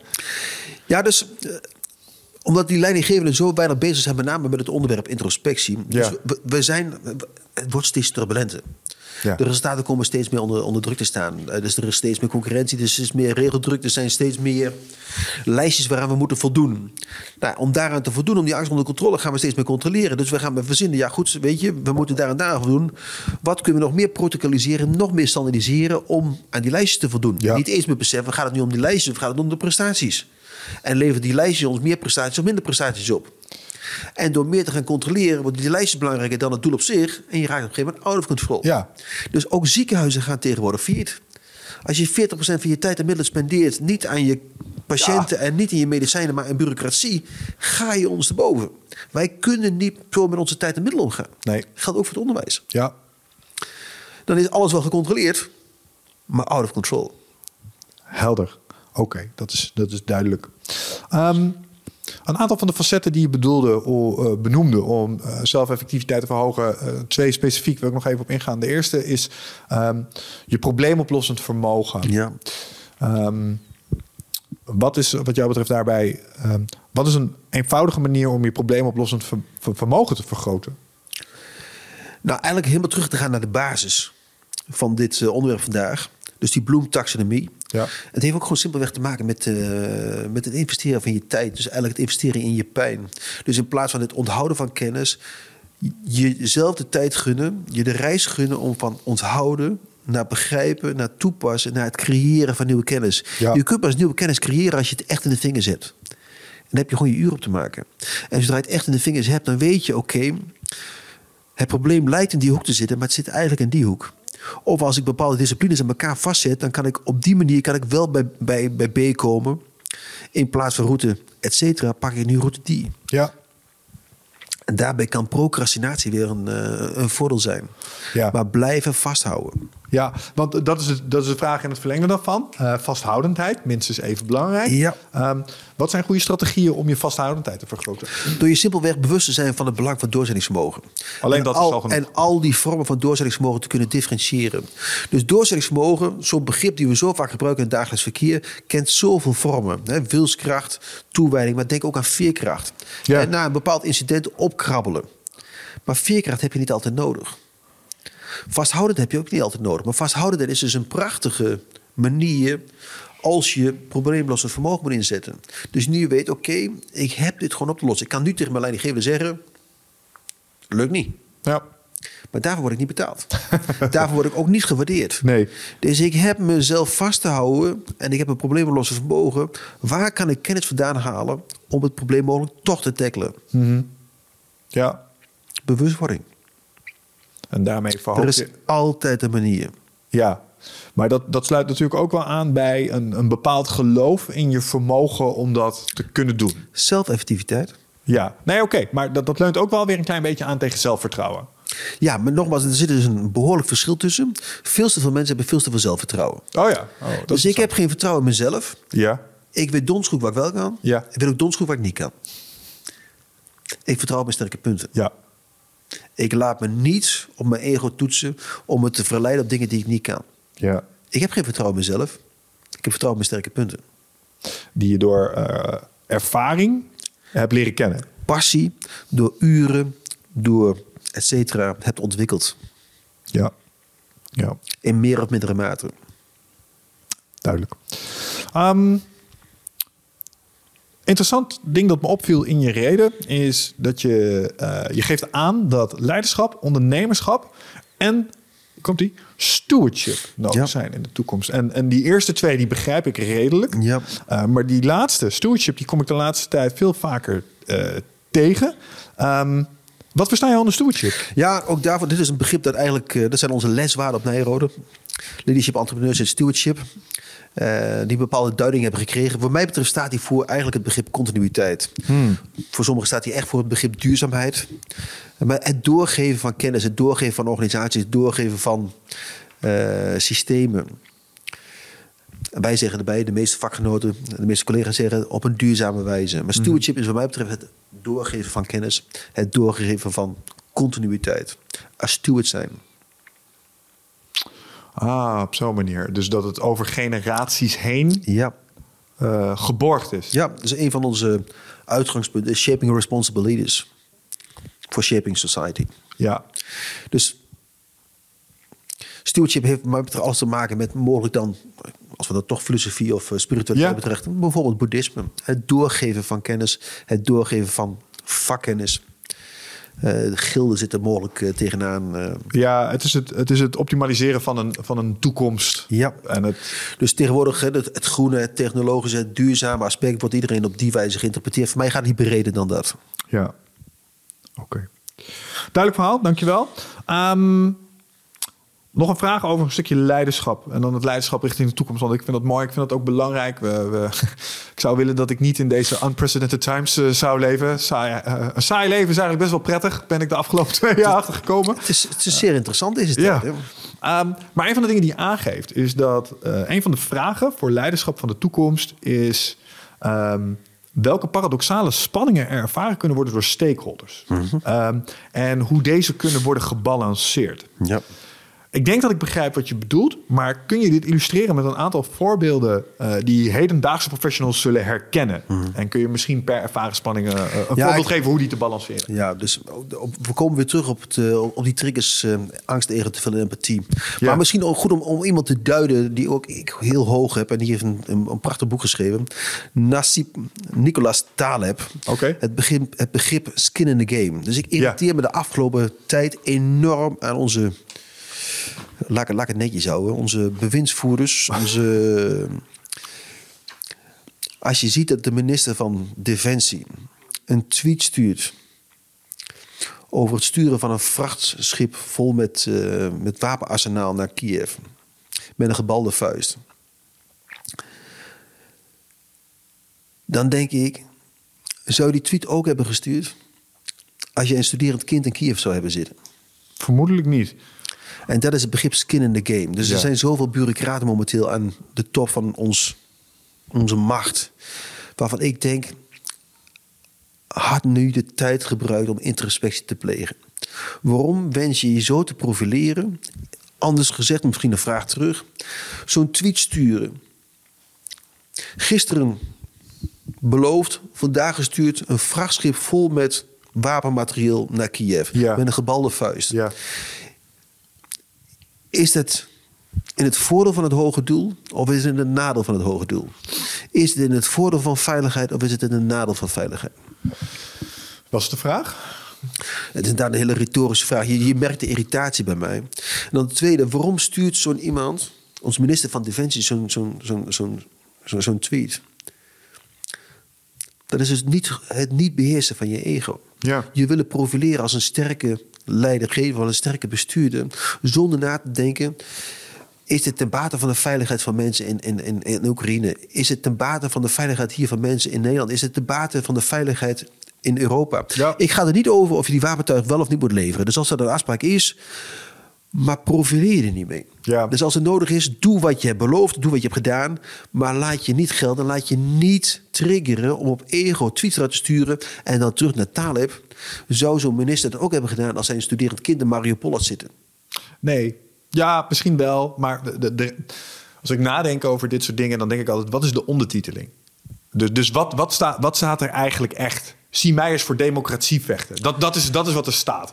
Uh, dat is natuurlijk, ze slaat plank mis. Zie, zie, mij eens handelen, zie mij eens acteren. Het is een virtue signal. Het is in ieder geval een ego-gedreven opmerking. Ja. En hetzelfde geldt bijvoorbeeld voor uh, Een voormalige minister van Defensie, laat ik de naam ook maar niet noemen. Iedereen weet toch wie dat is? Ja, dat is ook zo. Maar die dan, dus ik doe ook af en toe eh, van die lezingen met generaals of voormalige generaals Ja, ja, ja, die ook te veel nieuws zijn. Bijvoorbeeld Kabul. Hè, dus Kabul viel, en we hadden daar even evacuatieplannen liggen voor ook onze mensen en de mensen om onze mensen. Maar Kabul viel in, in een dag, eigenlijk in een paar uur. Dus Ja. de minister zat in een bioscoopzaal, kreeg het nieuws dat Kabul was gevallen, bleef tweeten, twitteren vanuit de bioscoopzaal. Wat een prachtige film. Ik denk dan, als je daar een neef of nicht in Kabul had zitten, of een naaste collega die naar huis had gemoeten, was je dan wel of niet de bioscoop uitgelopen? Ja, ik denk het wel. Ik mis zo weinig skin in the game. En terug Ja. naar, naar de luisteraars of de kijkers. Dus observeer ook bij je teamleden of er genoeg skin in the game is. Ik noem dat energie, eigenaarschap en verbondenheid. Hmm. Maar als je niet eigenaar bent van het probleem, dan ontstaan dus dit soort, in mijn optiek, verkeerde handelingen. Ego gedreven of angst gedreven of op empathie gedreven. Terwijl het paradoxale tegen je komt. Het maakt het nog onveiliger. Het maakt je nog minder een goede leidinggevende. En ik kan me daar enorm aan irriteren. Dus ik vind dat Taleb hier genoemd moet worden. Hij heeft een prachtig boek geschreven over de bureaucraten van vandaag de dag die weinig skin in de game heeft. Ja. En laat ik me er zelf maar bij aansluiten. Ja, helder verhaal. Ehm, en dat sluit dus aan bij eh, die paradoxale spanningen waar, je het, eh, Ja. straks over, oh, waar we het Ja. straks over hadden. Dus paradoxaal is je denkkracht erover te komen. Je maakt het eigenlijk nog erger. Ja, oké, helder. En, heb je ook nog een, een, een voorbeeld dat voor een hedendaagse professional iets dichter bij huis ligt? Want we zijn niet allemaal eh, ministers die zo in de spotlight staan. In de zin van goed of slecht gedrag? Of, Ja, waar we het zojuist over hadden. Hè? Dus, eh, eh, wat ik al straks zei is dat leiders van de toekomst rekening moeten houden met die, met die, met die spanningen. Kijk, Ja. enerzijds, eh, eh, ik vertaalde hem naar... Enerzijds wil ik graag laten zien dat ik hard heb voor mijn team. Maar anderzijds wil ik ook graag goed voor mezelf zorgen als mens. Dus moet ik soms nee zeggen. En daar zie ik Ja. heel veel professionals mee worstelen. Ja, nou ja, goed. Een, een prachtig voorbeeld. Waar, er zijn er een aantal. Hè. Dus Pieter Zwart van Coolblue is een, eh, voor velen een bekend voorbeeld. Maar de, de mooiste vind ik, en dat is echt een rebel leader, is Bas van der Veld van AFAS. Oké. En die verbiedt zijn mensen bijvoorbeeld. Dus Bas van der Veld heeft nu zo'n. Dus die maken rendementen, dat is ongekend. Maar Bas van der Veld heeft geen jurist in huis, heeft geen eh, secretaresse, heeft geen mensen op HR zitten. Allemaal niet. Hij verbiedt zijn mensen op eh, vakantie een telefoon mee te nemen. Je, Ah, je, mag, je mag niet bereikt kunnen worden. Nee. Allemaal dingen die je normaal zo'n leidinggevende precies tegenovergestelde wensen. Maar Bas heeft hier echt over nagedacht. En die vindt, bij intens werken hoort ook intens vrije tijd. Ja. Het paradoxale. En je in één keer door los te laten. Dus, nee, we lossen dingen zelf op. En jullie leidinggevenden, hebben- als er problemen zijn met klanten of met eh et cetera, je lost het zelf op. Dan gaan we geen juristen voor inhuren. Laat staan de loondienst nemen. Jullie zijn verantwoordelijk voor je eigen HR. Daar hebben we vanzelfsprekend gedachten over en bespreken we met elkaar. Maar daar hebben we toch geen mensen van HR voor nodig. Nee. Doe je zelf. Ja. Terwijl wij eerst met allerlei vacatureformulieren naar onze HR moeten. Die moeten dat bespreken, moeten geaccrediteerd krijgen. Over drie weken staat er iets op internet en over twee maanden iets op internet. Om daarna over vier maanden de eerste sollicitatie te, sollicitanten te kunnen zien... die volgens bepaalde formulieren moeten voldoen aan vooraf ingevulde lijstjes. Sure. Nee. Zo los je geen probleem op. Nee. Dus door paradoxaal te denken, te handelen, door los te laten... ben je meer in controle dan vice versa. Ja, ik vind Bas van der Veld een geweldig, eh, geweldig voorbeeld van een rebel leader. Klinkt als iemand die hier ook misschien maar eens een keer wat vragen moet komen beantwoorden. Als ik dat zo blijf. Zeker uitnodigen. Een hele inspirerende jongen. Kun je me voorstellen? Zeker. Nou, dan zou ik graag worden voorgesteld aan, eh, aan die beste meneer. Ik durf te zeggen, hij komt graag. Nou, leuk. Hartstikke leuk. Laten we dat doen. Ehm, nou, ik denk dan tot slot ook even kijken naar de tijd die we aan het klokken zijn. En eh, wat ik inmiddels heb geleerd over het experiment. Het wordt het donker, het wordt. Michel. Wat zeg je? Het wordt donker. Ja, het wordt donker. Ik zie het ligt ook gewoon. De, zon- de zon eh, zakt hier. Dat is goede shit. Ehm, nee, eh, wat zou in het kader van waar we het zojuist over hadden... als het gaat om nonconformiteit, eh, een stukje rebellie... wat is iets laagdrempeligs? Misschien een eerste actie, iets kleins. Wat een luisteraar nu kan uitvoeren om te beginnen... eh, om hier een beginnetje aan te maken. Ja. Dus hoe maak ik dit actionable? Ja, alle, dus het begint met het besef, alles is mogelijk. Alleen dat betekent wel dat je morgen moet gaan acteren. Ja. Dus maak voor jezelf... Dus ga, ga met jezelf op reis. Dat is eigenlijk mijn uitnodiging. Ja. Dus, en, en zonder dat heel moeilijk te maken. Maar waar loop je, waar loop je energie naartoe? En begin. En maak voor jezelf een lijstje. Dat kan heel simpel zijn. Dus als ik dit moet doen, denk niet aan de resultaten over. Bijvoorbeeld mijn, mijn, mijn hoogleraarschap heeft me 17 jaar gekost. Dus ik ben Ja. in 2005 begonnen met bedrijfskunde. En 2021 inderdaad eh, formeel mijn, mijn reden uitgesproken. Ja, als ik dat had geweten, was ik nooit aan begonnen. Dus waarom, Ja, ben, ik, waarom Ja. ben ik bedrijfskunde gaan studeren? Omdat ik mezelf wilde verbeteren als ondernemer. Ik heb hem nooit de behoefte gehad om hoogleraar te worden. Maar onderwijl zie je dat je steeds meer mogelijkheden krijgt en meer kansen krijgt. Eén ding moet blijven en dat is je passie. Dus als mijn passie voor het vakgebied er niet zou zijn, dus ik had alles op wilskracht gedaan omdat ik dat papiertje zou moeten hebben of die positie of die status, had Ja. ik het nooit bereikt. Dus iedereen heeft een bron van energie liggen.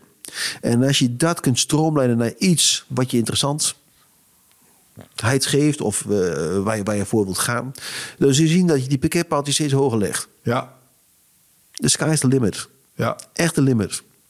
Dus daarom, dus met, met mijn hoogtevrees om niet dat, dat als voorbeeld te gebruiken. Of misschien ook al wel, dat moet iedereen maar helemaal zelf weten. Maar bijvoorbeeld het vliegen. Dus met de hoogtevrees denk ik, dat lukt me nooit. ja.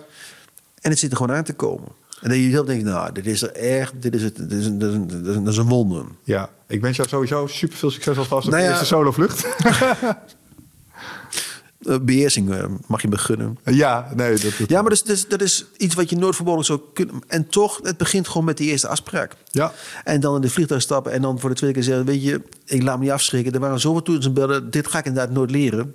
Maar ik kom wel volgende keer terug, want het was hartstikke leuk. Ja, en als je straks je brevet, eh, brevet hebt, dan voelt dat ook op een bepaalde manier. De kiss of death. Dat kan ik me zo. Oh ja, dat, maar, ja, maar jij weet het nu. En je weet dan, dan zit je in de winter. Maar er komt ook weer een lente aan. Dus dan vind je vast wel weer iets anders Ja. ehm, voor jezelf.